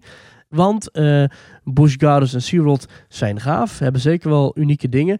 Maar de, de achtbanen bijvoorbeeld, ik, ik vind dat we met Untamed en Phoenix en Osiris in onze kontrijen, en Taron ook zeker, interessanter achtbaanmateriaal hebben staan dan in eh, Orlando. Ja, daar ben ik het mee eens. Ik moest even nadenken, maar ja. Ja. Ja. Maar nogmaals, probeer meer dagen te, te, te- pakken. Want dit is echt zonde. Het is alsof je zeg maar eh, heel veel geld betaalt voor een lopend buffet. Je betaalt heel veel geld om daar naartoe te mogen, om die deur door te mogen. Maar vervolgens Ja. moet je binnen 40 minuten alles pakken en opeten en wegwezen. Dat is, dat is echt zonde. Ja. Dat is echt... Eh, maar ik, ik weet het nog zo goed. Mijn eerste trip Orlando was met een vriend van me. Toen zeiden we, weet je wat? We doen gewoon... Het, het, het duurste is echt de vliegreis. We gaan gewoon drie weken. En we hebben toen drie weken hebben we echt immens genoten van Universal, van Disney, van SeaWorld en Busch Gardens. En het was zo gaaf. En Ik toen hebben we weken echt... wel lang hoor. Hey. Non de Nee, maar dat echt, het was echt niet te lang. Het was echt fantastisch. We hebben alles hebben we kunnen zien. We hebben geen spijt gehad. We vonden het zo fantastisch dat we een jaar later weer drie weken zijn gegaan. Ben je echt is echt- 21 dagen in, een, in de park geweest? Ja. Geen enkele Ja. dag niet naar een park geweest? En ook de dagen dat we wat rustiger aan wilden doen, Eh, hebben we dan eh. bijvoorbeeld overdag naar Foon Lagoon en dan s'avonds nog naar Magic Kingdom. Toen was bijvoorbeeld de Main Street Electrical Parade en nog, toen had je ook nog Wishes, weet je wel. Toen was het echt, ja, dat, dat, dat, dat, dat- het is zo'n achterlijk gave plek. Orlando is zo fantastisch, je moet dat niet, je moet dat niet onderschatten en je moet ook echt niet jezelf tekort doen door daar maar vijf dagen heen te gaan. Ik bedoel, hè Marlijn, je luistert naar deze podcast, dus je hebt een voorliefde voor themaparken. Echt, echt, maak het jezelf niet moeilijk en, en probeer echt je gezelschap over te halen of, of je bankrekening over te halen om daar nog echt een paar dagen aan vast te plakken. Want dat zijn de meerkosten niet. Dus ja. Nou, ik denk dat ons advies duidelijk is. ja. Ehm, we hebben er nog eentje die ligt al een tijdje op de plank, eh, Maurice. Ja, dat was een filosofisch vraagstuk. Een filosofisch vraagstuk. Laten we even die behandelen. Eh, ik ga de mail voorlezen, Ja. maar het antwoord is nee op de vraag. Dus ik zeg je vooraf al, ik, de, voordat ik de mail gelezen zeg ik al, het antwoord op de vraag in deze mail is nee. Maar ik wil toch de mail voorlezen. Oké. Hij is van Iwan en Iwan die stuurt ons beste Thomas en Maurice. Als je Disneyland Parijs niet meetelt, bouwt bijna elk pretpark wel een nieuwe attractie ieder jaar. Elk pretpark wil alleen maar groeien, groeien en groeien. Maar er komen steeds meer bezoekers. Er ontstaan ook steeds meer grotere parken zoals Toverland. Op een gegeven moment is dit toch te veel. Over een paar jaar wordt er verwacht dat elk gezin iedere maand naar een pretpark gaat. Hm. Maar dat gebeurt niet. Op een gegeven moment komen er minder bezoekers naar parken, moeten parken de prijs omlaag gooien, worden de kosten te hoog, bladibla, gaan ze failliet. Kortom, zijn pretparken door al die groei hun eigen graf aan het graven. Hmm, ik vind dat wel een, eh, een, een goed punt eigenlijk. Eh, eh, mijn antwoord is nee. Eh, ik snap wat Ivan bedoelt. Die zegt, ja, maar altijd maar groeien, groeien, groeien. Altijd maar vernieuwen, groeien, groeien, groeien. Op een gegeven moment Mhm. houdt dat toch op. En, en nu wordt het een beetje filosofisch, maar aan groei zit geen grens. Dus, ehm, tuurlijk groeien parken alleen maar. En wordt, de, de, de, wordt, wordt het pretpark alleen maar groter. Ehm, maar moet je bijvoorbeeld eens kijken naar bioscopen in jouw omgeving. Er zijn Ja. nu meer bioscoopstoelen in Nederland dan ooit tevoren. Er zijn in Nederland meer zwembaden dan ooit tevoren. Er zijn in Nederland meer supermarkten dan ooit tevoren. Ehm, kappers, weet ik veel. Er zijn alles groeit. Iedere, iedere is- industrie, iedere business groeit, groeit, groeit. Tenzij zijn meer inwoners. moment- ja, tenzij op een gegeven moment de vraag naar iets instort. Dat kan. Dat mensen zeggen, eh, eh, als, als iedereen kaal wordt, ja, dan hebben we geen kappers meer nodig. Ehm, maar zolang er ergens vraag naar is, kan je blijven, blijven groeien. En ja, maar dat is dan toch het punt. Dan zegt hij eigenlijk, op het moment dat er geen kappers meer nodig zijn, dan Ja. zeg je ook eigenlijk, eh, er is geen behoefte meer aan een pretpark. nou ja, maar, of in ieder geval is- van, aan een groot duur pretpark. ja, maar dan stopt die vraag en dan stopt ook de groei van die pretparken. Ja, maar dan staat nog steeds wel zo'n duur themagebied. En dan gaan ze niet zeggen, oké, dan gaan we nu weer eh Max en Moritz slopen. Ja, dat gebeurt dus wel. Dat gebeurt dus wel. Ik ben ervan overtuigd dat als het, als het minder gaat met de Efteling, dan gaat er ergens een keer een attractie verdwijnen. Stel nou dat echt dat dit, dat dit waar is. Hè? En dat er een. Ik denk overigens dat, dat er nog echt wel heel veel ruimte is om te groeien hoor. Voor alle pretparken. Ben ik van overtuigd. Eh, Mhm. Ik denk dat, dat in de huidige economie. Als hij, gewoon, hè, als hij gewoon blijft groeien. even corona niet meetellen. Maar dan is er echt wel ruimte voor een. Voor Nou ja, dat je Toverland zegt nu- zo groot als de Efteling wordt. Denk ik. Je zegt nu corona niet meetellen, maar dat is wel iets wat ook daar weer invloed heeft op, eh, Wel, op het voortbestaan van de parken en de investeringen voor de komende jaren. Jawel, maar het is, het is tuurlijk, tu- tu- tu- ah, tuurlijk kan er een moment komen dat niemand meer naar pretparken wil. Maar ik, dat is nog, dat, dan moet er echt iets heel geks gebeuren. Ja, dat kan dus corona zijn. Maar, maar, Ja. maar, maar het is niet zo dat, dat, dat, dat doordat de, die pretparken groeien, eh, eh, de vraag wegvalt. Want die pretparken groeien omdat er vraag is. Snap je? Het is niet andersom. Het is niet zo dat, dat door een pretpark te bouwen er Ja. vraag naar pretparken gecreëerd wordt. Nee, er worden pretparken gebouwd omdat er vraag naar is. Als de vraag er niet was geweest, dan was dat pretpark nooit gebouwd. Snap je? Dus ja, het is een beetje filosofisch dit, maar tuurlijk kan het zo zijn dat er ergens een keer een park een investering doet die gewoon te megalomaan is, te groot. Denk even aan Disneyland Parijs in het begin, in de beginjaren. Al die hotels die ze daarbij hadden gebouwd, dat waren er gewoon te veel. Hadden ze gewoon te veel geld in gestopt. Daar was geen vraag naar. Ja. Dat kan. Alleen, eh, die hebben ze dichtgehouden de eerste jaren. Ja, dat? toch? Een aantal, dat is, daar, daar hebben ze heel veel mee, mee lopen, lopen stunten in die tijd. Ja. Ehm, maar denk je dat de Efteling een attractie gaat bouwen als ze niet uit onderzoek hebben gezien dat daar vraag naar is? Daar is echt wel over Ja, volgens mij is ook een, een, een wet binnen de economie, en ik probeer het zo goed mogelijk te zeggen, maar dat elk aanbod ook zijn eigen vraag schept. En dat je als pretpark daar een beetje op vooruit moet lopen. Dus je moet eigenlijk het aanbod scheppen om ervoor te zorgen dat de vraag ernaar komt. Tuurlijk, want als Hè, mensen, niet dus- weten, als mensen niet weten wat een windcoaster doet, dan is er ook nooit vraag naar een bezoekje aan een pretpark omdat er een windcoaster staat. Dat is zo. Precies. Ja. Hè, en als er, als er geen behoefte is aan, je bouwt een sprookjesbos en dan zie je vanzelf van, oh mensen komen er naartoe. Dat vinden mensen leuk. Hè, van, oh mensen gaan, eh, vinden het vet zo'n windcoaster. Oh mensen die, die willen graag Aquanura zien. Dat, dat, is een, dat is iets wat misschien niet een, een, een vraag is vanuit de maatschappij. Maar ik denk dat juist de belevingseconomie, dat juist de plezierbranche, dat die eigenlijk ja, regerers vooruit zien. Dat die eigenlijk vooruit moeten zien wat mensen willen. Wat mensen gaan verlangen. En dat alvast bouwen en dan hopen dat mensen daar ook op afkomen. Maar wat, wat, wat dus Ivan zegt, van, is, het, is het een risico dat al die parken blijven groeien en dat, dat het daardoor niet meer gaat? Er is iedere dag wel een pretpark om te bezoeken. Dat is zo. Maar er zijn ook 17 miljoen mensen in Nederland. Dus, Ja. En dat worden er ook met de dag meer. Eh, ja, ik weet niet of dat nu nog zo is, maar En als je Ja. bijvoorbeeld kijkt naar het ontstaan van attractiepark Slagharen, dat is van Henk Bemboom. Dat was een kruidenier destijds, hè, tientallen jaren geleden, toen de auto steeds populairder werd. En zijn kruidenierszaakje kreeg minder klanten, want mensen gingen door die auto naar andere gebieden, naar andere steden, naar verdere plekken om hun boodschappen te halen. En toen Ja. dacht hij, weet je, dit ga ik gebruiken in mijn voordeel. Ik ga iets maken waar mensen naartoe willen. Ik ga mijn eigen aanbod creëren. En dan komt die vraag vanzelf. Ja. Toen heeft hij dus inderdaad die, die- dat, dat, dat ponypark gebouwd. Hè, dat, met een verblijf kreeg je een, een verzorgpony erbij gedurende je bezoek. Dat is eigenlijk wat pretparken nog steeds doen. Hè, en die auto hè, en die, die vliegtuigen, dat zijn steeds meer toegankelijkere manieren waarop je naar een pretpark kunt. 20 jaar Ja. geleden, 30 jaar geleden, kon je echt niet zo makkelijk naar Walt Disney World. Maar nu zeg je, joh, ik ben even een weekje naar eh, Orlando. Dat, dat, Ja. dus die, dat die, zal ook wel die- minder worden om vanwege milieu misschien. Maar ja, maar Ja. goed, eh, nou, weet je, die vooruitgang, die groei, de economische groei in alle facetten van de maatschappij, toch wordt het ook alle, nou ja, pretparken, om het zo maar even te zeggen, die worden ook toegankelijker. Ja. Dus ja, mensen hebben misschien meer pretparken te bezoeken, maar mensen hebben ook meer vrije tijd en meer geld te besteden. Ehm, even. eh, eh, eh, ik, ik, ik denk dat dit zo is. En ik denk ook echt dat de pretparken gewoon toekomst hebben. Ze hebben heel veel laten zien de afgelopen jaren. Mensen willen het lol hebben. En ik Ja. denk ook, ondanks corona, dat heel veel mensen gewoon, misschien niet deze zomer, maar dit wordt echt een zware zomer, ook voor pretpark. Want ook al zijn er veel mensen als wij die graag willen gaan, zullen er ook heel veel mensen zijn die nog bang zijn voor het virus of niet durven. Maar ik ben Ja. er echt van overtuigd in de loop der jaren echt wel weer heel veel mensen naar pretparken willen. Misschien zelfs meer dan ooit, omdat ze inderdaad niet ver op vakantie kunnen, nu vanwege corona. Dus dat komt echt wel goed. Dat komt echt wel goed. Laten we dat, eh, dat, dat, eh, genoteerd hebben. Zeker. Dan heb ik nog een mail, eh, eh, Max Waldmans, die stuurt ons het volgende. Hoi Thomas en Maurice. Mhm. Het gaat over onze thema-aflevering van Disneyland Parijs... die we hebben staan op de petje.af. Oh ja, Ehm, ja. En hij zegt, ja, zelf ben ik daar ook geweest. In de periode van 21 tot en met 23 december. Afgelopen december dus. Disneyland Parijs. Ah, Oké, dat is Het enige toen wij er ook waren. Ja, het enige grote probleem dat ik heb kunnen vinden is de belabberde horeca die geopend was.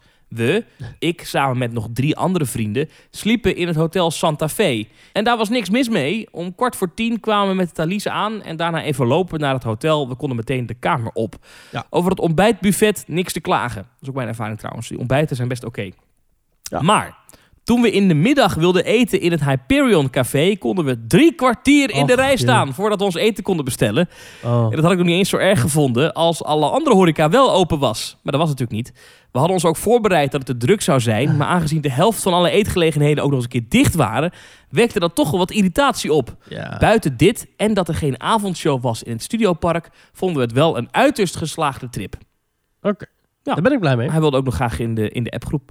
Maar ja ik, ja, ik dacht, we hebben het al een tijdje, omdat het natuurlijk dicht is, eh, Disneyland Parijs, al een tijdje geen klaagzak meer gehoord over de slechte horeca daar. Dus ik dacht, ik, ik pak dit mailtje toch even mee. ja. Dat we dan toch nog even, gewoon voor nostalgische gevoelens. Toch even ja. met de neus op de feiten. ja, ik zag luchtbeelden van eh, Disneyland Parijs. Eh, Mhm. En ook wat foto's, onder andere bij E ED92 en eh, DLP Report op Twitter.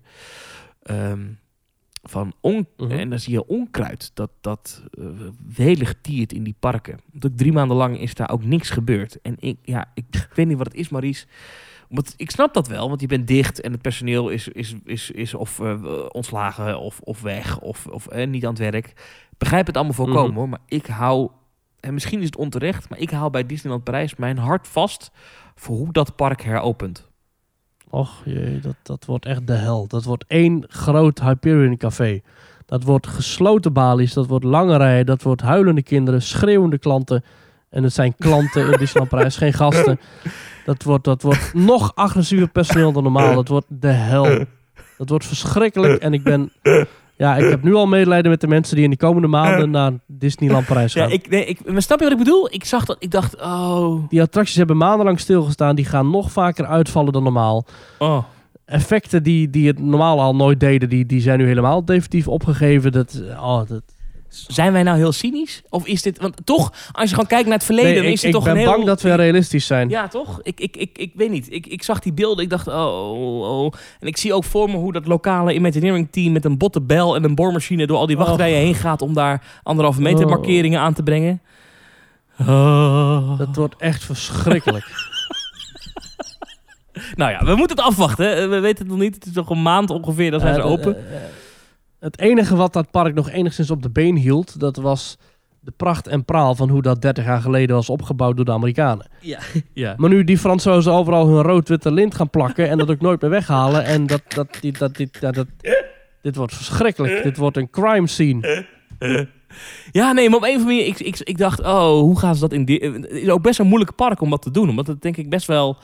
nou, geen wachtrijen afstand, Ja, dat lukt dat- nog wel. Het Maar is gebouwd op, het is gebouwd op massa. ja, En alle andere Disney resorts ter wereld hebben in de afgelopen tientallen jaren heel veel attracties bijgebouwd. Hè? We hebben het over Castleland gehad. We hebben het ook heel vaak in deze podcast over Tokyo Disney Sea gehad. We hebben het gehad over Walt Disney World. We hebben het gehad over Hongkong, Shanghai.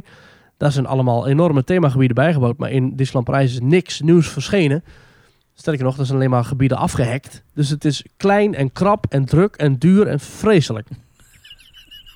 maar ik zal even, even, even rekenen hoor. Dus ik ben heel benieuwd. Ja, stel nou dat ze 10, 15.000 gasten per dag binnen laten straks. In, in, in, in, dan, dan, dan wordt Disneyland Parijs, het Disneyland Park, eindelijk weer echt gebruikt voor het aantal bezoekers waar het voor gebouwd is. Snap je wat ik bedoel? Ja, maar goed, als eh, volgens alle Peter Pan carriage maar voor de helft worden gevuld. Oh, en- en- en- oh, help. En de kapotte attracties zullen er nog steeds blijven zijn. Want ik denk niet dat ze deze maanden in één keer wel onderhoud uitvoeren. Waardoor de attracties eh 100% up and running zijn. We weten het Nee, niet. We weten, we weten Misschien, misschien, hebben, gaan, misschien is er gewoon een Amerikaanse manager die het Nou, allemaal helemaal het, fantastisch eh, eh, op orde krijgt eh, als het Eh, ja, gaat. nou, Maar- dat, die had dan al eh 30 jaar geleden eh, de boel het overnemen. Nee hoor, ik denk, ik zie het somber in.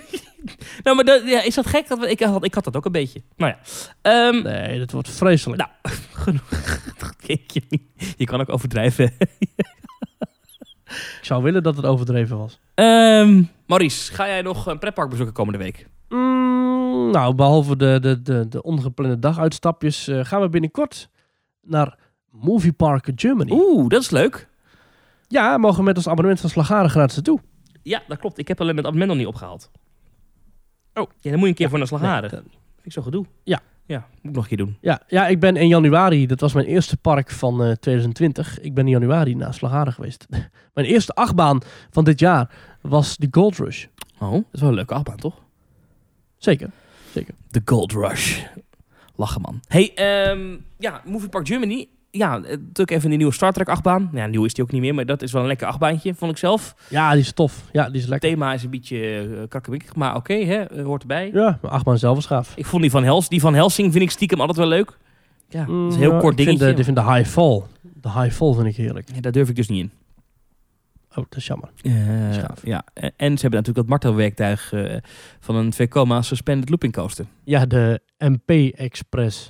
Nou, veel plezier in Movie Park Germany. We gaan eh, jouw verslag uiteraard horen volgende week. Ehm, en, eh, nou, ja, ik, ga, ik ga halverwege juli pas, maar... oh, eh, we gaan jouw verslag uiteraard horen ergens eind juli. Eh, ik zal Ja. misschien wel ergens een keertje een Eftelingetje bezoeken. Overigens had ik afgelopen week twee keer een reservering staan voor de Efteling. Twee keer Mhm. niet gegaan. Ik- wat, wat zegt Hmm. dat over mij? Is dat asociaal? Ik heb geen idee. Maar ja. je hebt hem wel, neem ik aan, netjes geannuleerd via je app, via drie keer inloggen. Nee. Nee, want het was iedere keer op een eh, uurtje voor. Dat dacht ik, nou ja, ik ga wel niet, weet je wel. Maar ik dacht, ja, nou, hou ik wel een, Oh plek, ja? hou ik wel een plek bezet voor iemand anders. Dat vind ik eerlijk. Oh, dat vind ik niet zo netjes inderdaad. Ja, maar ja. In Plopsa zou je dan 15 euro moeten betalen. En terecht. Ja, maar ja, weet je, ik had gewoon geen zin. Ja. Ja, maar waarom reserveer je dan? Omdat ik toen ik reserveerde wel zin had. Ja, maar dan moet je niet reserveren. Maar ik vroeg me dus af. Dan moet je eerst denken van, hmm, heb ik wel zin? En dan, oh, wacht even. Ja, ja, ja. Nou, ik geloof dat het annuleren is volgens mij een hele... Een hele dat, dat, volgens mij kost dat best wel veel moeite. Oh, Dat, dat, volgens mij, als ze dat annuleren, als ze dat makkelijker maken... Als je dat niet via de app doet... er zit gewoon een knop Dan- bij hoor, geloof ik. Knop annuleer mijn bezoek. Oké, nou, als je daar dan de volgende keer even netjes op klikt, dan eh, ontneem jij weer... eh, maar ik krijg, maar de vroeg ik me af. van. eh, Het is niet zo dat de Efteling mij hiervoor straft, toch? Dat ik nu, omdat ik nu een paar keer zo'n plek bezet heb gehouden, dat ze dan nu zeggen, nou, nou mag je een maand niet komen. In principe niet, maar nu ze het hebben gehoord, eh, denk ik dat je binnenkort eh, een, eh, een parkverbod op je deurmat gaat krijgen. Oh ja, daar moeten we het ook nog over hebben, of niet? Nou, we hebben nog anderhalf jaar de tijd om het daarover te hebben, dus dat Ja. zien we Oké, wel. dat komt nog een keer. Maurice, tot volgende week. Ja, Thomas, tot volgende week. Geniet van de zon. Wordt lekker warm deze week. 30 graden man, dat is toch ideaal pretpark weer? Heerlijk. Alright. Zeker. Groetjes. Tot de volgende keer. hè. Doei.